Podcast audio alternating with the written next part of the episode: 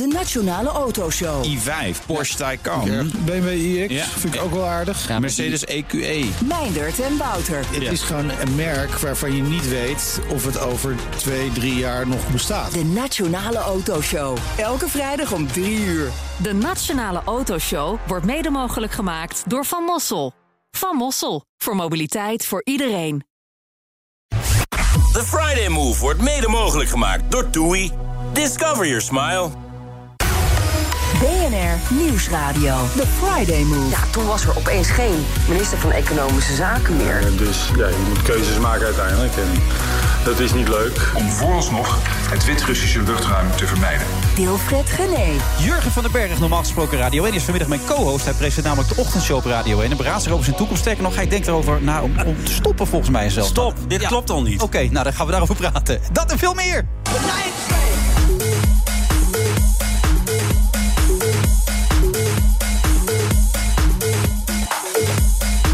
Het is een mooie volle show. We zitten weer eens in de Sky Lounge. Ziet er prachtig uit. Ik ben een weekje op vakantie geweest. heeft de hele week geregend. We verlieten ons vakantieadres. En de zon begon te schijnen. Nou, het ziet er hier prachtig uit. Zo gezegd, eh, Jurgen van den Berg, mijn co-host. Maar ook Thierry Aartsen komt voorbij. Zanger uh, Douwe Bob, schrijver Micha Wertheim. En natuurlijk Bernard Hammelburg. En nog veel anderen.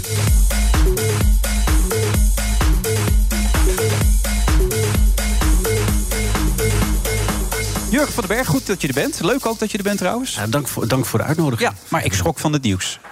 nee, ik schrok daarvan. Ik dacht, hè, waarom stopt hij er nou mee? Maar hoe zit dat precies? Ja, dit, hier, dit, dit onderwerp kunnen we heel snel afsluiten, Ja? Ja, tuurlijk. Nee, het klopt gewoon niet. Dus eh, ik weet niet waar dat vandaan komt. Nee, dat weet je wel. Je hebt vorig jaar een aantal interviews gegeven in een podcast. Miss Podcast geloof ik. En ook ja, in ja, Parool. ja, klopt. Ja, nee, ik dacht al dat het daar vandaan komt. Nee, daar komt het vandaan. Ehm, nee, dat was... Kijk, Hoe gaat het... het? In dat interview liet je toch wel vallen dat de kans aanwezig was dat je aan het einde van dit jaar zou stoppen. Dat je zelfs al bezig was Nee, met nee, de nee, nee, nee, nee, nee, oh, oh, oh, oh, oh, oh, oh, nee, even de feiten. ja. Ik heb de vraag werd gesteld van, ga- blijf je dit altijd doen? Nou ja, ik weet niet of jij dat, daar een antwoord op kan geven. Dit Ik altijd blijf het blijven altijd doen. Ik heb alleen geen ambitie. Dus dat is mijn probleem. Nou ja, dat is bij mij ook eigenlijk een beetje zo. En Ja. ik, kijk, ik heb toen een beetje wat voor me uit zitten filosoferen. Want ik vind eh, koken heel leuk en eh, cocktails shaken en dat soort dingen. En, dus ik, ik dacht van nou, dit is allemaal nog voor de coronacrisis. Ik dacht van nou, weet je, ik, ik vind het wel leuk misschien om eens een keer zoiets erbij te doen. Een bed and breakfast of zoiets. eh. Ja, maar hier gaat het toch een beetje... En toen brak die coronacrisis uit. Ja. En toen dacht ik, ja, dat is allemaal leuk en aardig. Maar dat gaan we dus natuurlijk niet doen. En eh, het, het is nooit een kwestie geweest dat ik daarmee zou stoppen. Dus dat is door Maar iemand... in dit interview van vorig jaar dus, in het parool staat wel eh, dat jij vertelt dat je aan het eind van dit jaar moet beslissen of je doorgaat of niet. En dan wordt de vraag gesteld: wat denkt u dat u straks gaat beslissen over uw toekomst? Ik kan er niet over liegen, dubbele punt. De kans dat ik stop is er zeker. Ja, maar niet aan het Nee, eind dat van het staat jaar. hier. Ja, Ja, nou, maar ja, dat, ja, nou ja. dat- zo, zo kun je het wel lezen. Ja, nou dat kan, maar het klopt gewoon niet. Omdat ik graag kook, speelde ik met de gedachte daarmee aan de slag Ja. te gaan. Ik had informatie over professionele opleiding al in huis. Maar goed, het was in de tijd nog voor corona. Toen was er nog een tekort aan koks. Ik heb, kijk, jij weet ook hoe dat werkt, dus zo'n, zeker zo'n krantinterview. Je zegt, eh, je zegt een aantal dingen en dan wordt daar, wordt daar wat uitgehaald. Ik heb daar bijvoorbeeld ook bij gezegd dat ik altijd radio zal blijven doen. Ja, maar een beetje bij het surfen, plaatselijk, niet surfertje, met plaatselijk lokale omroep. nee, nee, nee, helemaal niet. Waarom?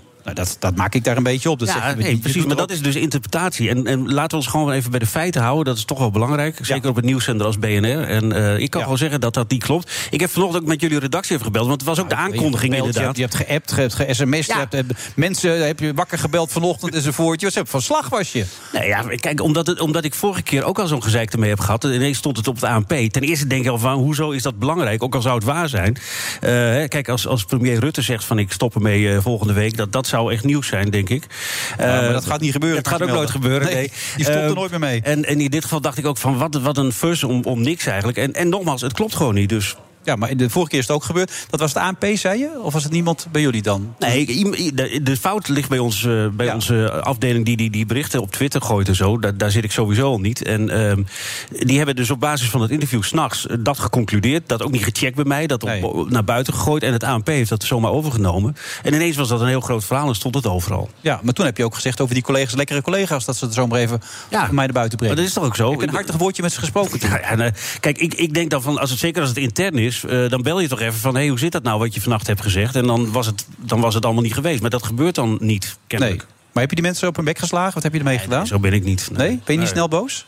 Nou, nee. Nee? Nee, ik ben eigenlijk best wel een vriendelijk. eh, Wanneer ben je voor het boos geweest dan? Oh, dat was vorige week. Oh, vertel. Wat was dat dan? Nee, dat was meer in de privésfeer. Oh. Ja, maar het nog was een goed? goede discussie. Het was een goede discussie, zo Ja? zou ik het willen noemen. Maar met je vriendin? Of? Ja. Ja. Ja, want je zit nu aan de vrouw, hè, al een tijdje. Toch? Ja, ja, altijd al. Ik ben altijd van de vrouwen geweest. Ja, maar ook weer heel snel naar de volgende, toch? Nou, dat klopt ook al niet. Klopt dat niet? Je, je moet die knipselmap gewoon terzijde leggen en gewoon vragen wat je wil weten. Ik, ik ken jouw reputatie uit Groningen toch ook nog wel een beetje. Kom op, zeg. gaan we daarover beginnen. Natuurlijk wel. Ja. We daarover beginnen. Die goede oude tijd, hè? Groningen. Toen was ik heel steady, eerlijk gezegd. Oh ja? Ja, Oh. ik was zes jaar lang met, eh, met iemand. Ken je ook? Ja, die ken ik goed. Ja. ja. Die ken ik ook nog, ja. Goed, laten we het allemaal niet over hebben. Nee, laten we het daar eens even over hebben. Hoe zit dat met die Groningse tijd voor jou? Het was hartstikke gezellig. Jij hebt er ook een beetje de bakermat, toch? Een beetje in dat zeker. opzicht. Daar eh, kennen we elkaar daarvan. Niet, niet heel nauw samengewerkt. Maar jij was bij de lokale televisie, was jij toen al een eh, rising star. Nou ja, er was verder niemand. En, eh, nou, toch wel. En, en, en, en ik deed daar eh, bij de regionale radio eh, was ik werkzaam. En dan kom je elkaar natuurlijk allemaal wel eens een keer tegen in al deze kwietjes. Ja, wat herinner je daarvan? In het Groningse. Ja? Nou, ik heb daar ontzettend veel eh, geleerd ook, vooral daar bij die omroep. Ik zou dat iedereen aanraden die dit vak in wil. Dat je gewoon bij zo'n regionale omroep een beetje, ja, een beetje kan eh, experimenteren en, en, en, en doen wat je wil. En, Absoluut. En daar word je uiteindelijk alleen maar beter van. Ja, dat moet je niet doen voor het geld. Dat moet je doen om in jezelf te investeren. Sowieso moet je niet altijd iets doen voor het geld, Nou ja, mijn idee. Ik ook, dat vind ik ook. Absoluut. Maar het is wel leuk als het op je pad komt. Ja, het moet leuk zijn en als je dan er wat geld mee kan verdienen, is het ook mooi meegenomen. Ja, zo sta ik er ook in. Nou, Wat dat betreft kunnen we elkaar een hand geven. Dat mag niet. Nou ja. Nee, maar kijk, ik vind het mooi. Jij, eh, jij bent. ehm, er zijn- heel veel mensen bij die tv ook die, eh, die zeggen dan van ja, ik vind radio wel eens leuk. Of, en dan, nou ja, dan, eh, dan doen ze dat een tijdje, twee weken of zo. En dan komt er weer een aanbod voor een quiz op SBS 9. En dan zijn ze weer vertrokken. Ja. Maar ik vind het mooi dat jij. ja, jij doet dat al de hele tijd hier bij BNR. Nou, 13 jaar al, ja. bij de Veronica's doe je dat. dus dat vind ik mooi. Ja. En ik zie ook een mooie arbeidsethos van hier binnenkomen vliegen. Vanochtend eh, normaal gesproken ook die show. ehm, en dan heb je s'avonds nog een tv-programma. Dat, eh, ja, dat, dat een beetje. Is het nuttig wat wij doen, Jurgen? Is het nuttig? Slaat het ergens op? Nou, Dient het iets? het is een mooi, dat is een mooie, een mooie vraag. Ehm, ik, ik- was eens een keer met een. eh, was ik in Peking tijdens de Olympische Spelen. En toen was ik met een regisseur daar. En die, die, vroeg, die vroeg zich dat ook af. Zo van: ik zit een beetje met mezelf. en Ja, wat, wat wij doen, is dat nou zo belangrijk? Nee, want als het morgen stopt. Ja. Ja, de wereld draait wel door uiteindelijk. Kijk, eh, eh, eh, het is wel zo. Wij doen iets wat, eh, ja, wat, wat mensen toch aardig vinden. Ik, ik, ik ga af op de reacties die ik krijg van mensen. Als ik er een dag niet ben, of ik, ik noem de tijd een keer verkeerd. dan zijn ze helemaal in de war. Want eh, je hoort bij hun ochtendritueel natuurlijk. Rutte, hè? Luistert altijd naar jou. Ja, maar dat zegt hij tegen iedereen. Oh, oké. Hij zei, dat, hij zei dat tegen mij toen, in- toen we in Den Haag waren, in de aanloop naar de verkiezingen. En ehm, toen hoorde ik hem een paar weken later bij. Hij zei van ik sta altijd met u op en zo. En eh, nou, ja, hij wist ook wel wat dingen te noemen. Dus ik dacht, oh, nou, dat zou nog wel eens kunnen zijn ook. Toen hoorde ik hem eh, een paar weken later bij het afscheid van Edwin Evers. En toen kwam hij ook binnen daar in de studio. Ik luister elke ochtend naar u hoor. Dat is, dat is eh, Mark Rutte, hè? Ja, ja. Ligt alles bij elkaar, maar komt er overal mee weg. Zo is het. Tot zo, na de reclame.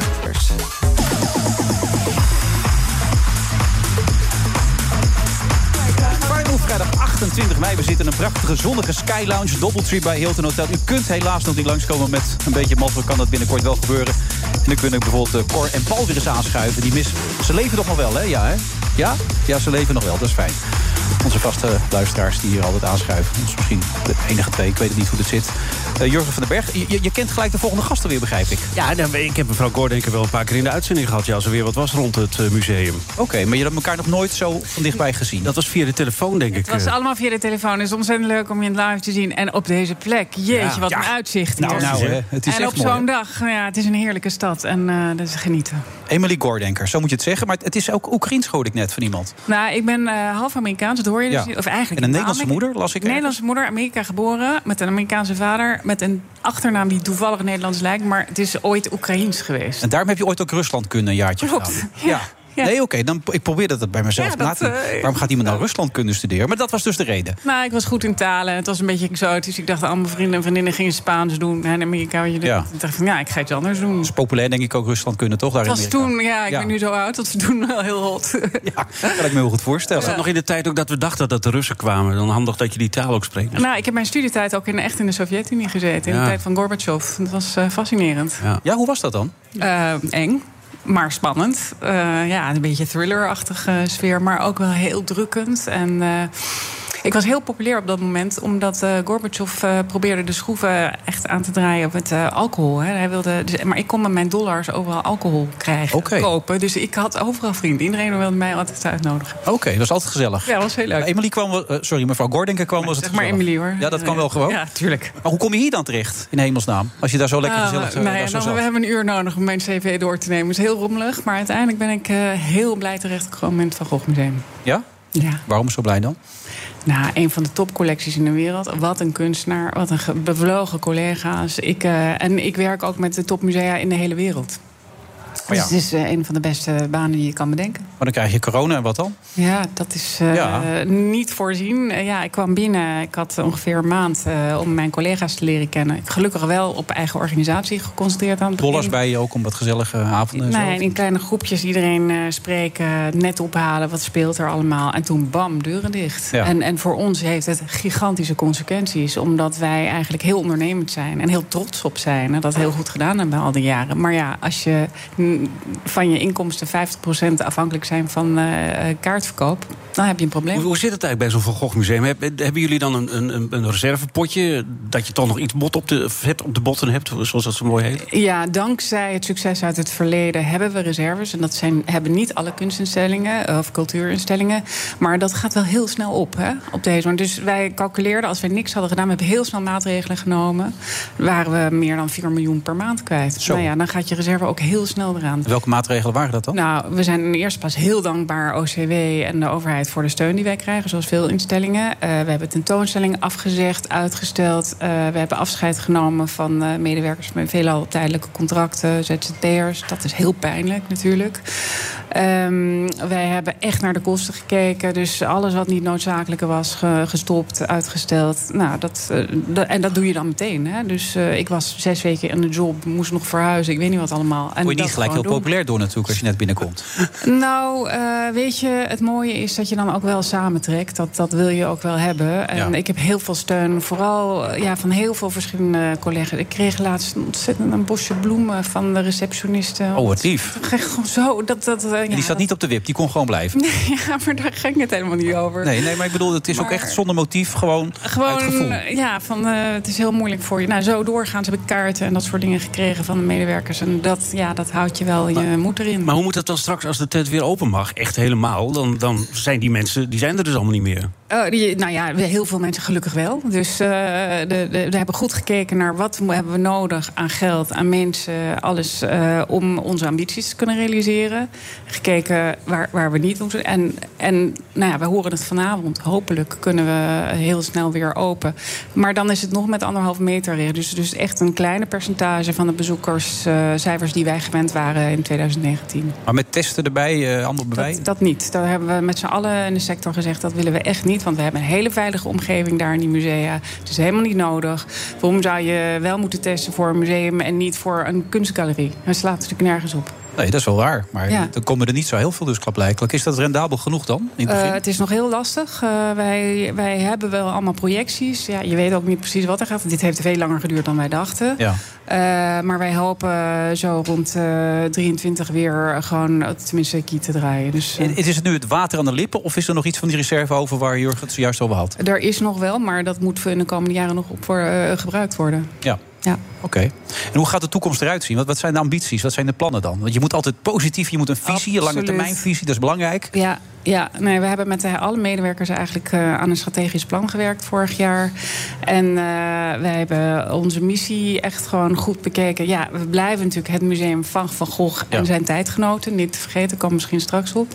Eh, dus, en daarmee willen wij mensen echt inspireren. En, en daar echt, maar ook kijken naar mensen, doelgroepen die wij niet bereiken. Hoe ga je dat doen? Want hij komt niet met nieuw werk, dat weten we zeker. Maar hoe ga je dat dan aanpakken Oh, dat- om het weer... Ja, er, is, er zijn tig projecten. Nou, we, we, gaan- we hebben een tentoonstelling bijvoorbeeld. Dat- Met tentoonstelling kan je heel veel doen. We hebben er eentje nu helemaal klaar hangen om. Dus kom iedereen als we weer open zijn. Ja.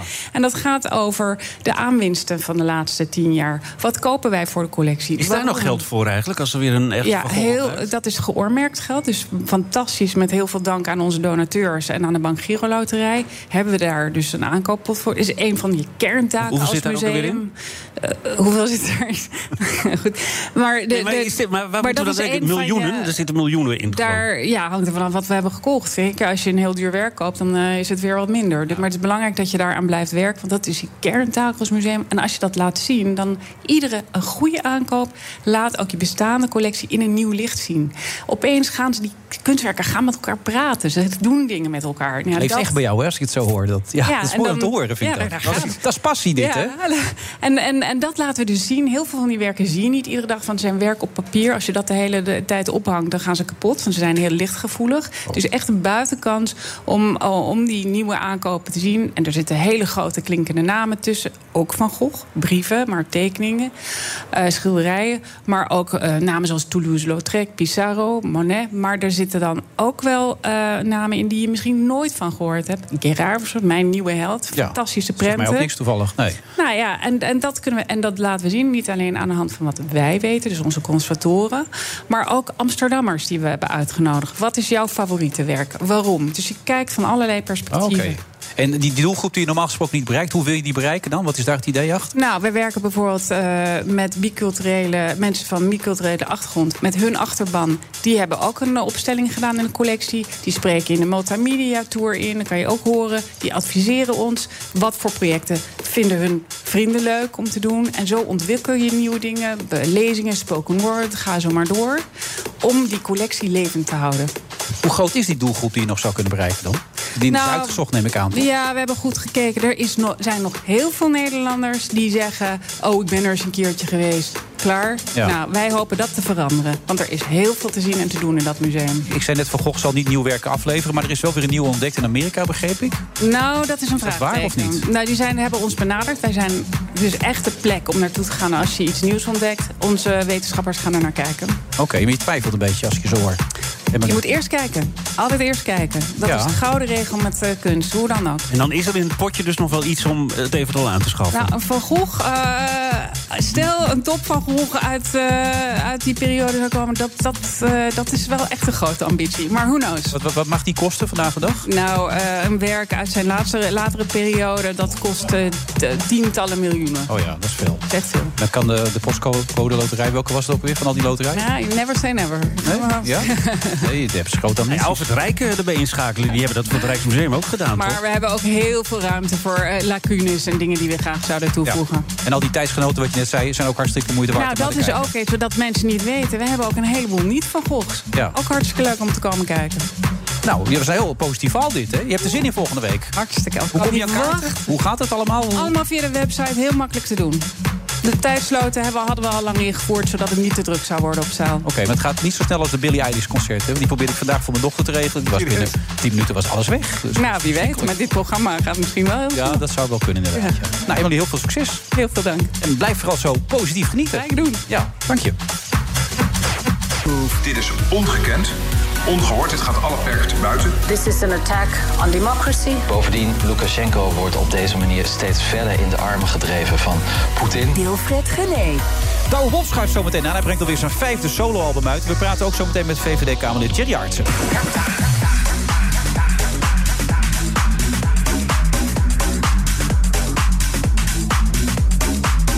Allemaal vanuit de Sky Lounge Doubletree bij Hilton Hotel. Jurgen van den Berg, normaal gesproken Radio 1. Vroeg altijd, hè, Jurgen? Vroeg. Ik sta om vier uur op, ja. Vier uur? Ja, ik woon in Utrecht en dan vier uur op. Even snel douchen, haartjes eh achterover. Dat is belangrijk voor jou, de haartjes. Zijn die geverfd ja, of niet? Ja, dat betreft eh, lijken we ook op elkaar. Heb je ze ook Nee, nee, nee, het is mijn eigen kleur. Echt waar? Ja, ja, ja. Waarom heb je dat zo'n grijze baard? Hoe kan dat dan? Ja, dat weet ik ook niet. Mijn vader had ook nog heel lang eh, donker haar. Oh, wat gek dit. Ja, nou gek. Ik, ik ben er blij mee. Ja, ik snap ook dat je er blij mee bent, maar ik vind het zo... Iemand vroeg mij laatst van wat voor spoeling heb jij erin? Het ziet er zo natuurlijk uit, maar ik, het is gewoon echt. Oh. Beetje zoals Hans Kraai, zeg maar. Die heeft ook... Oké.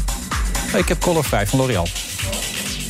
Oh, ik dacht dat hij nog even omhoog zou gaan, weet je wel, als een soort payoff. Weet je wel. Maar ja. Ja, nu is het te laat. Helaas, jammer. Ik, ik zei net VVD, dat is natuurlijk helemaal niet waar. Je zit veel meer in de linkerhoek, want je werkt voor de publieke omroep. Dat is logisch.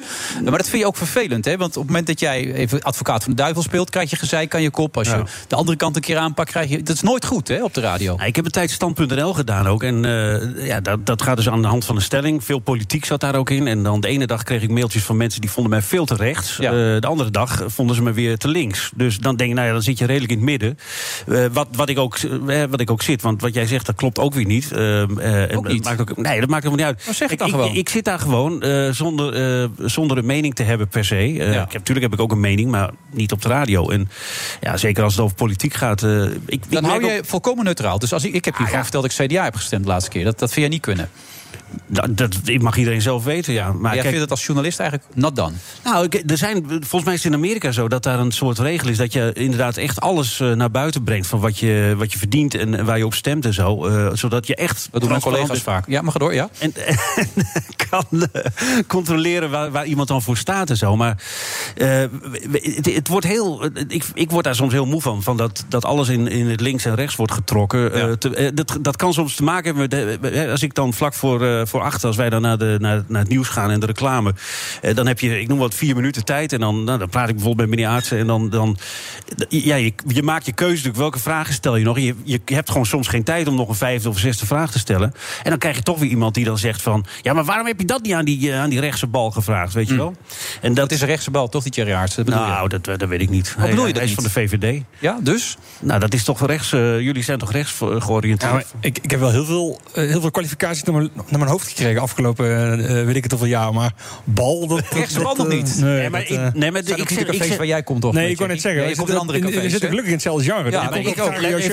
eh. ik zeg dat niet. Dat zeggen Nee, luisteraars dan. Hè. Die, die reageren dan op die manier. En, en als er de volgende dag iemand zit van, eh, van links, dan is dat ook weer zo. Maar vind je ze zuur bij de publieke omroep, eh, Thierry? Nu we toch even erover zitten te praten. Nee, publiek omroep is het mooiste wat we hebben. Oprecht is, nee, ja, zeker. Absoluut. Ik ben, ik ben een oud media-woordvoerder. Ik ben kritisch geweest op de NPO. Ja. eh, op heel veel dingen. Maar als je nu kijkt, afgelopen jaar... Collega-Kamerleden die roepen, doek de boel lekker op, joh. Nee, zeker niet. Als je nu kijkt wat er afgelopen jaar is gebeurd... een enorme discussie over nepnieuws, over, over disinformatie... dan is het wel gewoon goed dat we verschillende media hebben... eh, commercieel en onafhankelijk eh, publiek... die gewoon ook een beetje kritisch tegendenken. Want wij, wij krijgen stiekem best te weinig kritische tegendenkers met elkaar. We zitten lekker in ons eigen bubbeltje. Eh, En op een gegeven moment is dat toch ook, dat is het veiligste toch? Op, dat doen de meeste mensen nu toch ook. Ja, dat gaan allemaal in hun eigen bubbel lekker zitten. ja. Zitten lekker die willen helemaal niet naar die praten, anderen meer elkaar te luisteren. Nee. Ja, maar dat is wel een ding, dat, dat mensen inderdaad niet meer naar elkaar luisteren. Ze Ja. zitten alleen maar in die bubbel met elkaar eh, eh, ja, gelijk te halen, Ja, precies. En gelijk te geven ook vooral. Ja. En ehm, nou ja, waar jij net op doelde is... Dat, eh, soms speel je advocaat van de duivel. Dan, dan, dan stel ik een, een linkse mening tegenover de rechtse politicus. En dan denken mensen dat dat jouw mening ook gelijk is. Dat, dat is soms heel moeilijk, dat begrip, om dat, ja, om, om dat, om dat te begrijpen. Dat maakt dit vaak ook een beetje kapot, heb jij gezegd. De Trumps van deze wereld, maar ook de Thierry Baudet bedoelde je daarmee volgens mij... die de media al afschilderen als altijd gevaarlijk en slecht. Ja, maar dat stoort is, jou. Ja, maar dat is ook zo. Want dat, dat, dat geldt niet alleen de publieke omroep. Dat geldt ook BNR, dat geldt ook alle kranten. Eh, willen- alles wordt eh, maar op één hoop gegooid. Als, als, het, als het ze uitkomt, dan, hè, dan zijn we er wel. Eh, als het er niet uitkomt, dan is het ineens allemaal fake news op te brengen. En ja, ik denk dat dat wel een glijdende schaal is waar je voor, voor moet uitkijken. Want er zijn ook mensen die volgen die mensen allemaal weer... en die, die praten dat ook gewoon na. Ja. En voor je het weet eh, krijg je dus inderdaad dat, dat nou ja, onze mensen van tv... door het land moeten met eh, autootjes die anoniem zijn. Omdat, omdat ze gewoon echt van de weg gereden worden. Ja, ja zeker. Wat, Aartsen, ik hoor jou zeggen. Sophie van Leeuwen. De VVD. Ik introduceer, mezelf even. Ja, nee, dat Eh, deed ik we- nu bij eigenlijk deze. zijn er niet genoeg kritische vragen. De, Haagse pers, pers is eigenlijk niet kritisch genoeg op de VVD. Nou, BNNA eh, wel dan. Nee, eh, nee ja, eh, Uiteraard. maar ik, vind het, ik vind het best wel gezond wat jij zegt. En dat, het is toch heel gezond dat als ik ergens kom... en ik, ik zit bij een presentator... dat hij toch niet eh, eh, gaat vertellen hoe fantastisch de VVD is... en dat ik denk, nou, daar kan ik niet meer overheen komen. En dan is het toch prettig dat je af en toe eens een beetje een kritische vraag krijgt. Ja, dat, Dat, je een dat is toch heel gezond? Dat, is, dat heeft toch niks te maken met de mening van een journalist? Dat is toch gewoon kritisch tegendenken? Ja, kijk, hulde, hulde voor. eh, we we hadden het net even over Rutte. Hulde voor hem. Dat hij dus eh, hè, met zijn verhaal op een gegeven moment dan bij Nieuwsuur gaat zitten. Weet dat hij daar hele kritische vragen krijgt. En hij heeft volgens mij ook wel eens gezegd. dat hij daar zelf ook uiteindelijk niet slechter van wordt, natuurlijk. Als je gewoon kritisch wordt bevraagd. Maar je ziet bij heel veel politieke partijen die nu met eigen journaaltjes beginnen. Nou ja, ik weet niet of je dat wel eens hebt bekeken. Dat is eh amateurtoneel ongeveer. En, en de, ja, het, allemaal glijden, het glijdt allemaal maar met elkaar mee. Dat, vond je het een goed interview? Wat? Van, van Rutte. Vond je het een goed interview? Ik, ik vond het van de kant van Marielle Tweebeke niet slecht, nee. nee. Maar vond je dat, je dat hij veel gaf? Nee, maar dat, dat is Rutte. Ik bedoel, eh, eh, ja, dat is wat anders natuurlijk. Maar goed, dat is, dat is zijn goed recht om te zeggen wat hij wel en niet wil daar. Ja. Ehm, maar ik vond de vraag op zich, en, het, en ik, ik heb er wel eh, met plezier naar gekeken. Ja. Hij heeft genoeg straf gehad inmiddels, Sophie. Wanneer gaat we Rutte 4 eh, begroeten? Wanneer gaat dat gebeuren? Nou, we zijn in een nieuwe fase beland, hè, dus eigenlijk ook een beetje stilte. Dus we, niet, Die Mariette Hamer praat met iedereen. Heeft ze al met jou gesproken of niet? Want ik bedoel, ze Nou, praat echt met iedereen op dit Nou, moment. Zojuist gaf ze weer een persconferentie. En eh, maandag zit ze met Kaag en Rutte weer eh, Oh ja. eh, in het kantoortje. Ja, en dan ja. wordt het spannend, want dan is de vraag wie komt daarbij. Eigenlijk zegt ze, degene die niet mee willen doen van het clubje van zeven... die doen dan niet mee. Nou, dat hoorden we al van Marijn. Dus de SP heeft geen zin in Rutte. Ah, Gert-Jan Segers van de ChristenUnie vindt het eigenlijk ook niet aan hem... om nu meteen mee te gaan doen. We zijn er al twee kwijt. Dus ik denk dat het dan toch een eh, gesprekje wordt met Jesse Klaver en, eh, en Ploemen van de PvdA en GroenLinks. Wat denk jij? Nou, feest zou ik bijna willen zeggen. Heb je daar zin in? Nee, daar hebben we geen zin in. Nee. Dat is best logisch. Ik ben VVD. Dus als ik mag kiezen, dan, dan is het niet de eerste die ik kies Jesse Klaver. Alleen het probleem in deze fase is natuurlijk wel... we hebben niet heel veel te kiezen. Ja, jullie zijn een Eh, beetje verzwakt natuurlijk sinds de Nou, we zijn, niet, we zijn niet verzwakt. We hebben te maken in eh, één, een, een, de grootste crisis sinds de Tweede Wereldoorlog, zowel op economisch gebied als, eh, als in de gezondheidszorg. Ja, dan kun je. we zijn al twee maanden verder. Er is nog 0,0 eh, inhoudelijk gesprek geweest.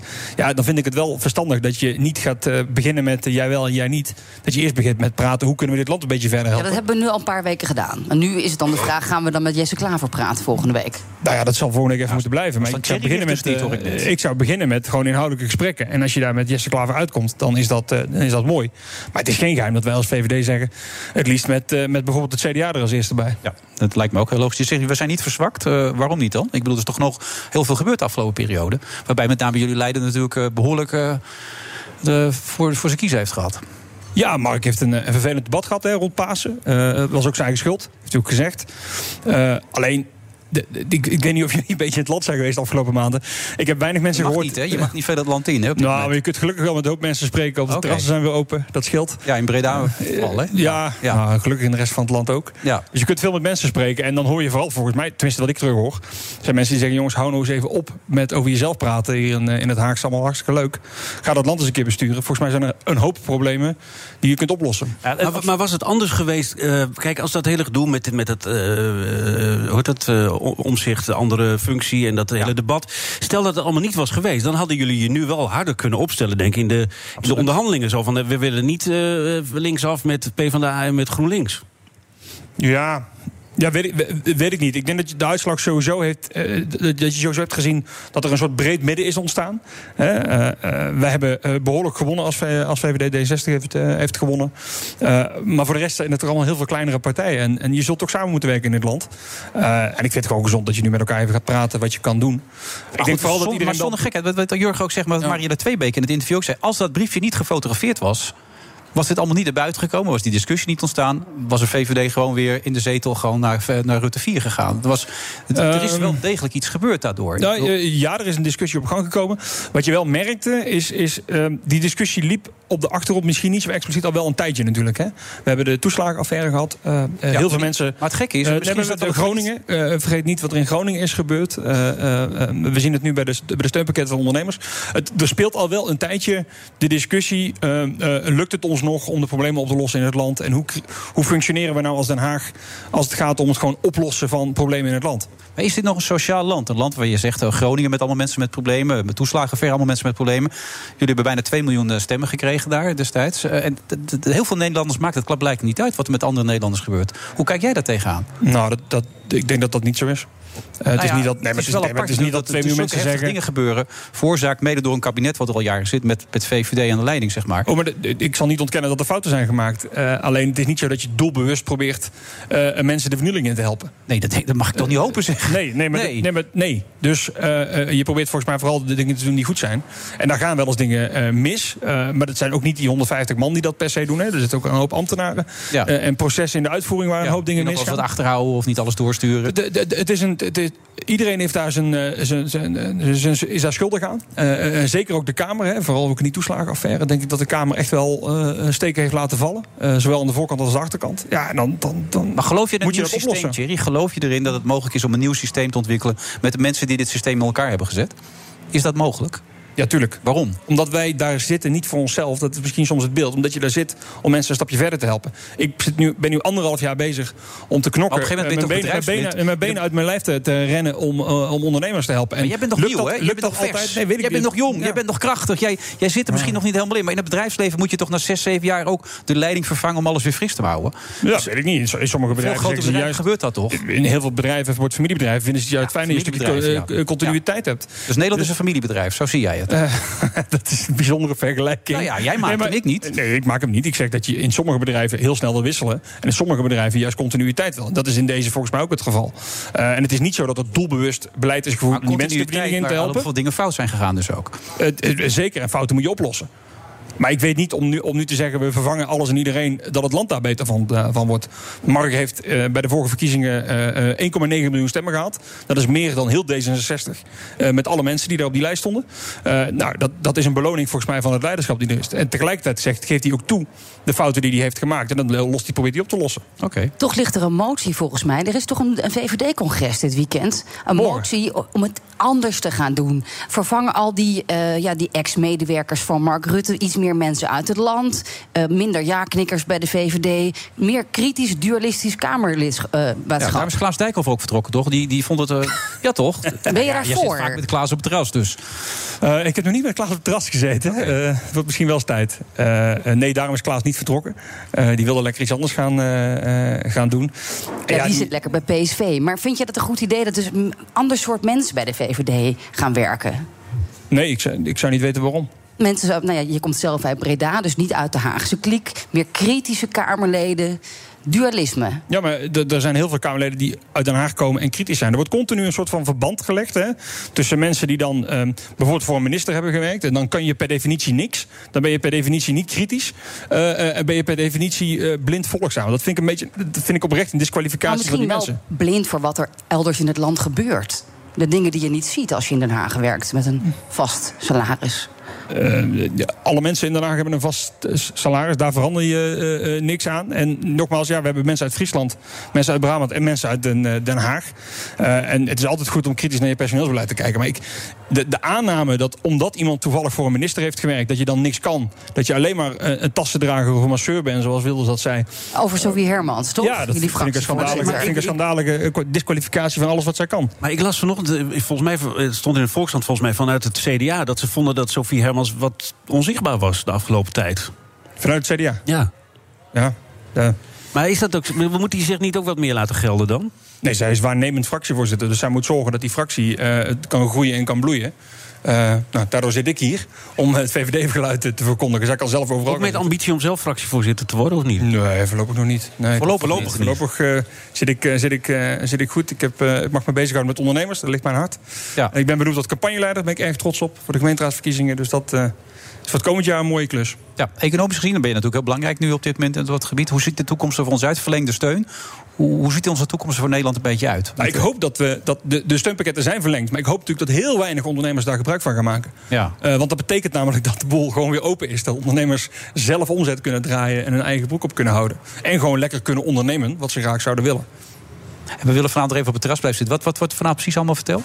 Ik, uh, ik heb net zoveel uh, gehoord als jullie uh, wat dat betreft. Nee, toch? Je weet wel precies ja, hoe het zit, toch? Nee, dat is heel dualistisch. Maar willen ze ook heel dat veel dat macht en tegenmacht is dat het kabinet beslist en de Kamer controleert. En dat doen wij volgende week in een debat. Ja, Sophie? Ja, openingsplan toch? Stap 3. We hebben inderdaad een openingsplan. En dat wordt inderdaad. Uh, nou ja, er was vanavond de persconferentie. Met, met, een grote kans dat het openingsplan op stap 3 dan in ieder geval doorgaat. Dat zou natuurlijk mooi zijn. Ja, maar er komt ook wel slecht nieuws. Daarom wordt het misschien ook op vrijdagavond gepresenteerd. Sowieso, uh, het prikken gaat niet zo lekker. We gaan het niet halen 1 juli. De Janssen-vaccins ja. worden niet geleverd. Ja, dat zou, dat zou vervelend zijn als dat zo is. Uh, uh, ik heb, niet, ik heb ook wel het beeld dat het wel lekker gaat. Ik zag vandaag al dat we inmiddels op... 1975? 1975, ja. Uh. Ja, maar daarna stopt het dus misschien. Ja. En, en, en, en heeft 1989, dat ja, dat duurt nog even hoor. Ik, nou ja, ik, ik, zag gisteren zaten we op 72, 73. Dus dat betekent twee, twee jaartallen per dag. Dus dat is ook zeven dagen. En dan zou het ja. de beurt zijn. Oh jee, maar niet twee. Dat gaat je niet lukken dan voor de vakantie, toch? Mm, nee, dat wordt nee. dan wel ingewikkeld. Want er moet ook zoveel weken tussen zitten, geloof ik weer. Dus ja. dat wordt wel ingewikkeld. Ja. Oké, okay, dus het gaat niet helemaal lukken. Daar komt het op neer. Ik Hugo heeft dat, dat zou moeten kijken. Ja. ja, en welke gevolgen heeft het voor evenementen? Voor grote dingen. Als, als we dus niet, als die jongeren of mensen zoals jij 1989 geen prik hebben, kun je dan wel naar een feestje. Met veel mensen. Ik hoop het wel. Nou, ik hoop het wel. niet. Eh, eh, weet ik niet. Ik denk dat het nu ook nog iets te vroeg is om dat, eh, om dat te zeggen. Want je kunt natuurlijk, dat, dat zien we ook uit die field labs. Hè. Je kunt zeggen van we doen het gewoon een, een feestje volledig vroeger zoals het was. Of met toegangstesten, of met, met, met meer met beperkende maatregelen. Daar zijn natuurlijk wel wat varianten op, op te bedenken. Volgens mij is het goed dat we die, die streefdatum van 1 juli gewoon, gewoon hebben. Dat iedereen die eerste prik heeft. We zijn natuurlijk wel afhankelijk van die leveranties. En laten we hopen vooral dat we dat het naar een feestje kunnen. Dat hebben we toch wel verdiend met elkaar. Ja, wat jouw gevoel erbij is, als je het nu hoort, het wordt tijd dat ze een keer gaan formeren. Want eh, we hebben al die tijd een beetje zitten zeiken met z'n allen. Zit- Sta je er ook zo in, Jurgen? Nou ja, nee, ik denk dat wat hij, eh, wat zijn, hij zegt van als je het land in gaat, dat is volgens mij wat, wel wat aan de hand is. Dat mensen zeggen van nou, hou nou maar op met dat gezeik naar elkaar en, en maak er dan maar wat van. En wat het dan uiteindelijk wordt, ja, daar kun je dan weer van alles van vinden natuurlijk. Want het blijft toch opmerken, jij noemde net een, een aantal eh, wapenfeiten van, van de regeringen van de afgelopen tijd, onder leiding van de heer Rutte. dat toch die oppositie niet in staat is geweest om daar eh, gaten in te schieten. Nee, totaal niet zelfs. Ik bedoel, eh, links heeft er eigenlijk helemaal niet van kunnen Nee, profiteren. eh, Dat- GroenLinks verloren en PvdA gelijk gebleven. Nou ja, dat zou wel. Wat zegt dit over dit land? Dat bedoel ik een beetje aan te geven. Ja, nou, dat- lijkt mensen kan- niet te raken als het zichzelf niet raakt. Daar, daar komt het eigenlijk op Ja, neer. maar je, maar daar verbaas ik me inderdaad. Ik, ik volg de politiek gewoon uit, uit belangstelling, ook natuurlijk ook vanwege mijn werk. Maar ik, ik vind het ook interessant wel wat daar gebeurt in Den Haag. En, en je ziet voortdurend groepen. eh, nou ja, je hebt gezien dat Baudet op een gegeven moment een enorme aanhang had. Nou, dan, dan, dan, dan gebeurt daar van alles. Dan kakt dat weer helemaal in. Eh, op een gegeven moment denk je dat, dat links dan ineens eh, het voortouw gaat krijgen. Omdat ze eh, met een aantal duidelijke zaken oppositie kunnen voeren tegen het kabinet. En dat komt dan ook niet van de grond. Dus, dus kiezers zijn ook, ja, doen ook maar wat, lijkt het soms. Dus we zetten het CDA erbij. Wat hebben we nog nodig om op die eh, 76 zetels te komen dan? Oef. Ja? Ja. Zeg het maar, wie wil je er nog bij hebben? Ik hoor Christen, die doet niet meer mee, heb ik net gehoord. Dat zou wel jammer zijn als de Christen kan natuurlijk afhaakt. Dat zou wel jammer zijn. Het kan nog wel, maar dan moet je wel, moet je wel heel lief zijn tegen Gert-Jan Segers, denk ik. We zijn, altijd, we zijn vier jaar lang lief geweest We tegen gaan eerst Gert-Jan Segers. via PvdA en GroenLinks, neem ik aan. Ja, dat denk ik wel. Eerst even proberen met Klaver en Ploemen, dan met Segers. Ja, en als dat niet lukt, dan hebben jullie wel een probleem. Maar dat en-en is ook wel een hele rare, hè? En, en, te- je bedoelt de linkse wolk. Ja, ja de, de, de- de- bedoel, eh, eh, eh, of je bent één partij of je bent het niet. Ja, je bedoelt dat, dat PvdA en GroenLinks zich aan elkaar verbonden hebben. Ja, dan ga je Ja. of fuseren of je bent apart. En dan, dan, dan Maar met de PvdA alleen zou je het liever doen. Ja. Het is vrijdagmiddagje. Het is allemaal- het het is allemaal het het is wel heel links, hè, jongens.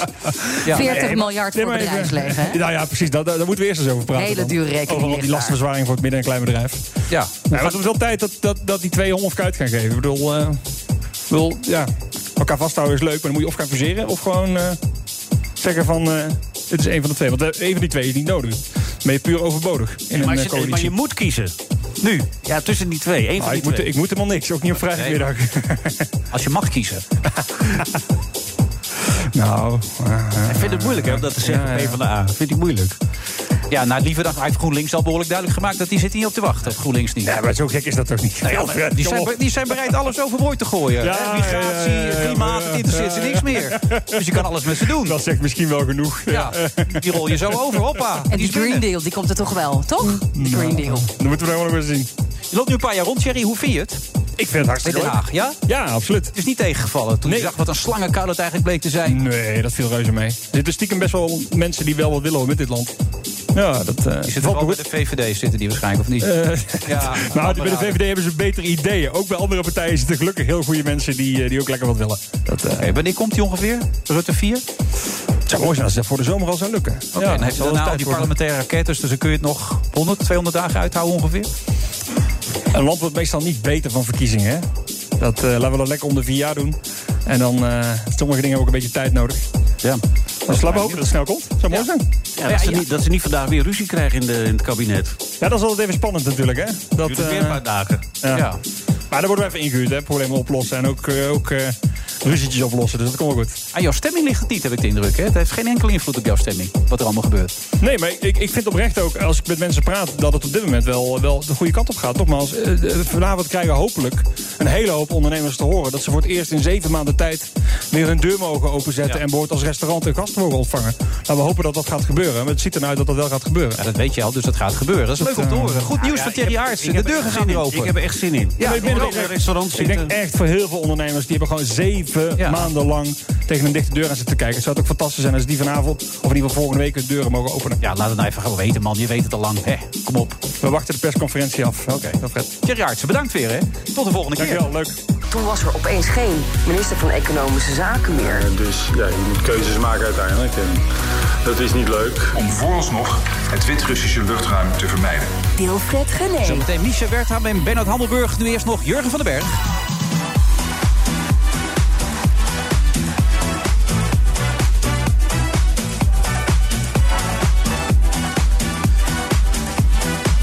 Allemaal vanuit Skylounge Doubletree bij Hilton Hotel in, eh, in Amsterdam. Eh, ik- mijn stijl is misschien net iets anders dan de jouwe. Maar ehm, ook jij hebt een beetje dat losse in je. Hoe ver kun jij daarin gaan in de, op Radio 1? Nou, niet zo ver als, ja, eh, eh, als jij gaat. Dat je mensen gewoon woorden in de mond legt die niet kloppen. Maar eh, voor de rest...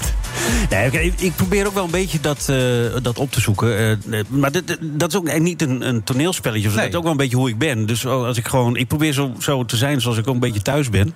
eh, en en eh, onder de mensen ben.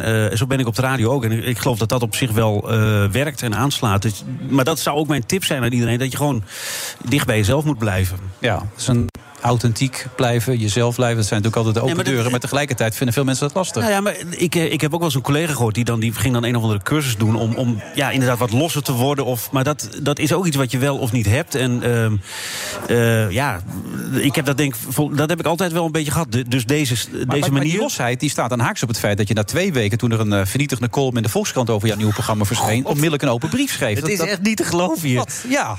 Dit is echt... Nou ja, maar dat was ook... Je hebt gewoon gelijk een open brief geschreven naar die column. Waarom?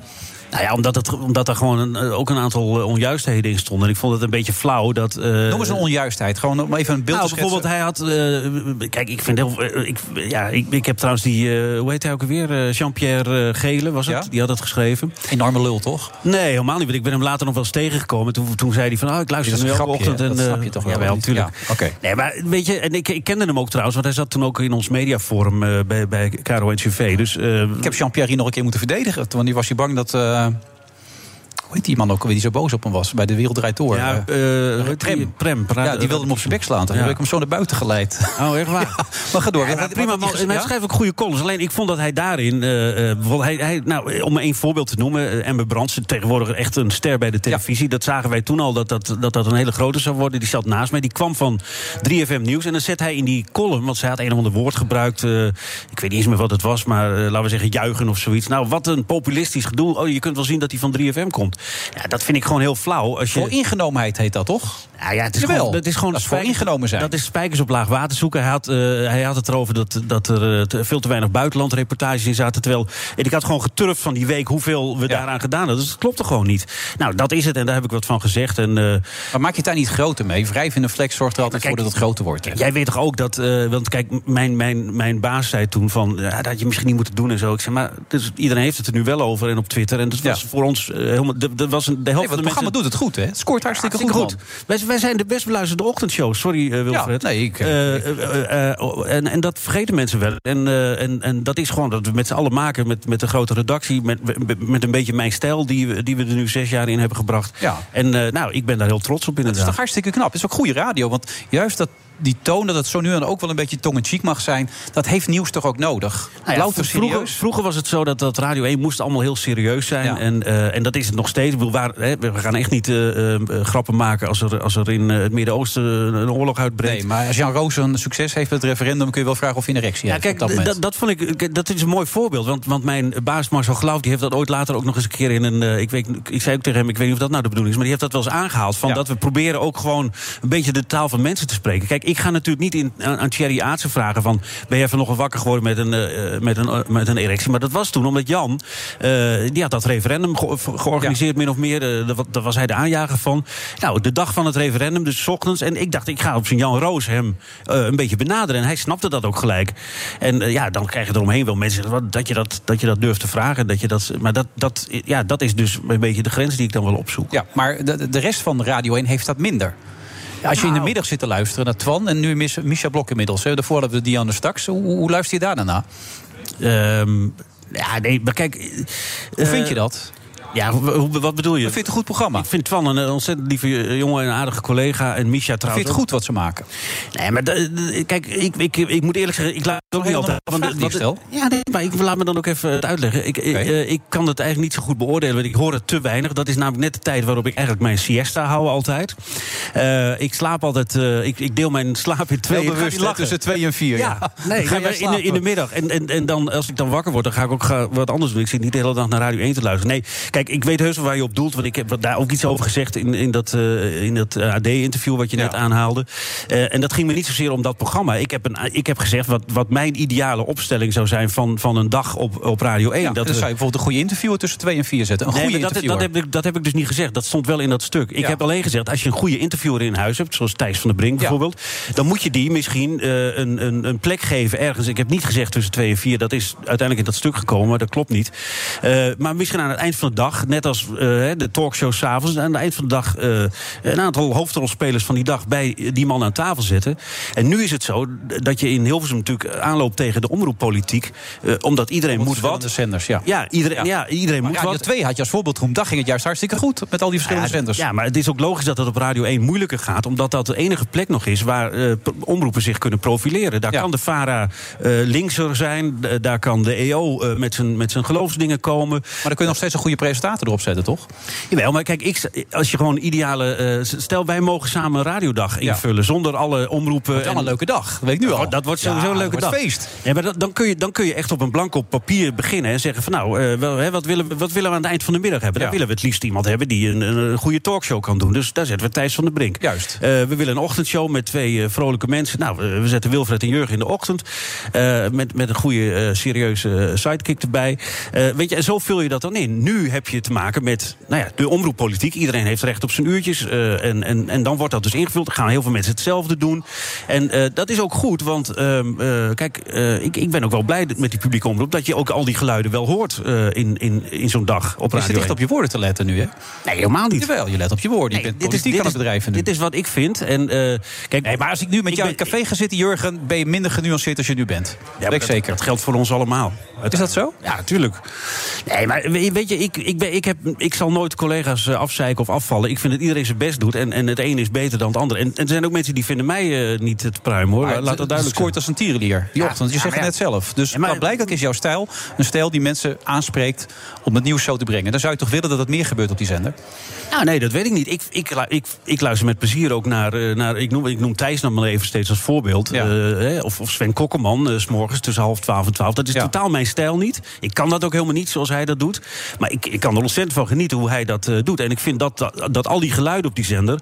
eh, dat dat te horen is, dat, daar ben ik heel blij mee. Ja. Hoe goed is de Sven eigenlijk? Zou hij eh, een eigen talkshow op tv moeten hebben ook?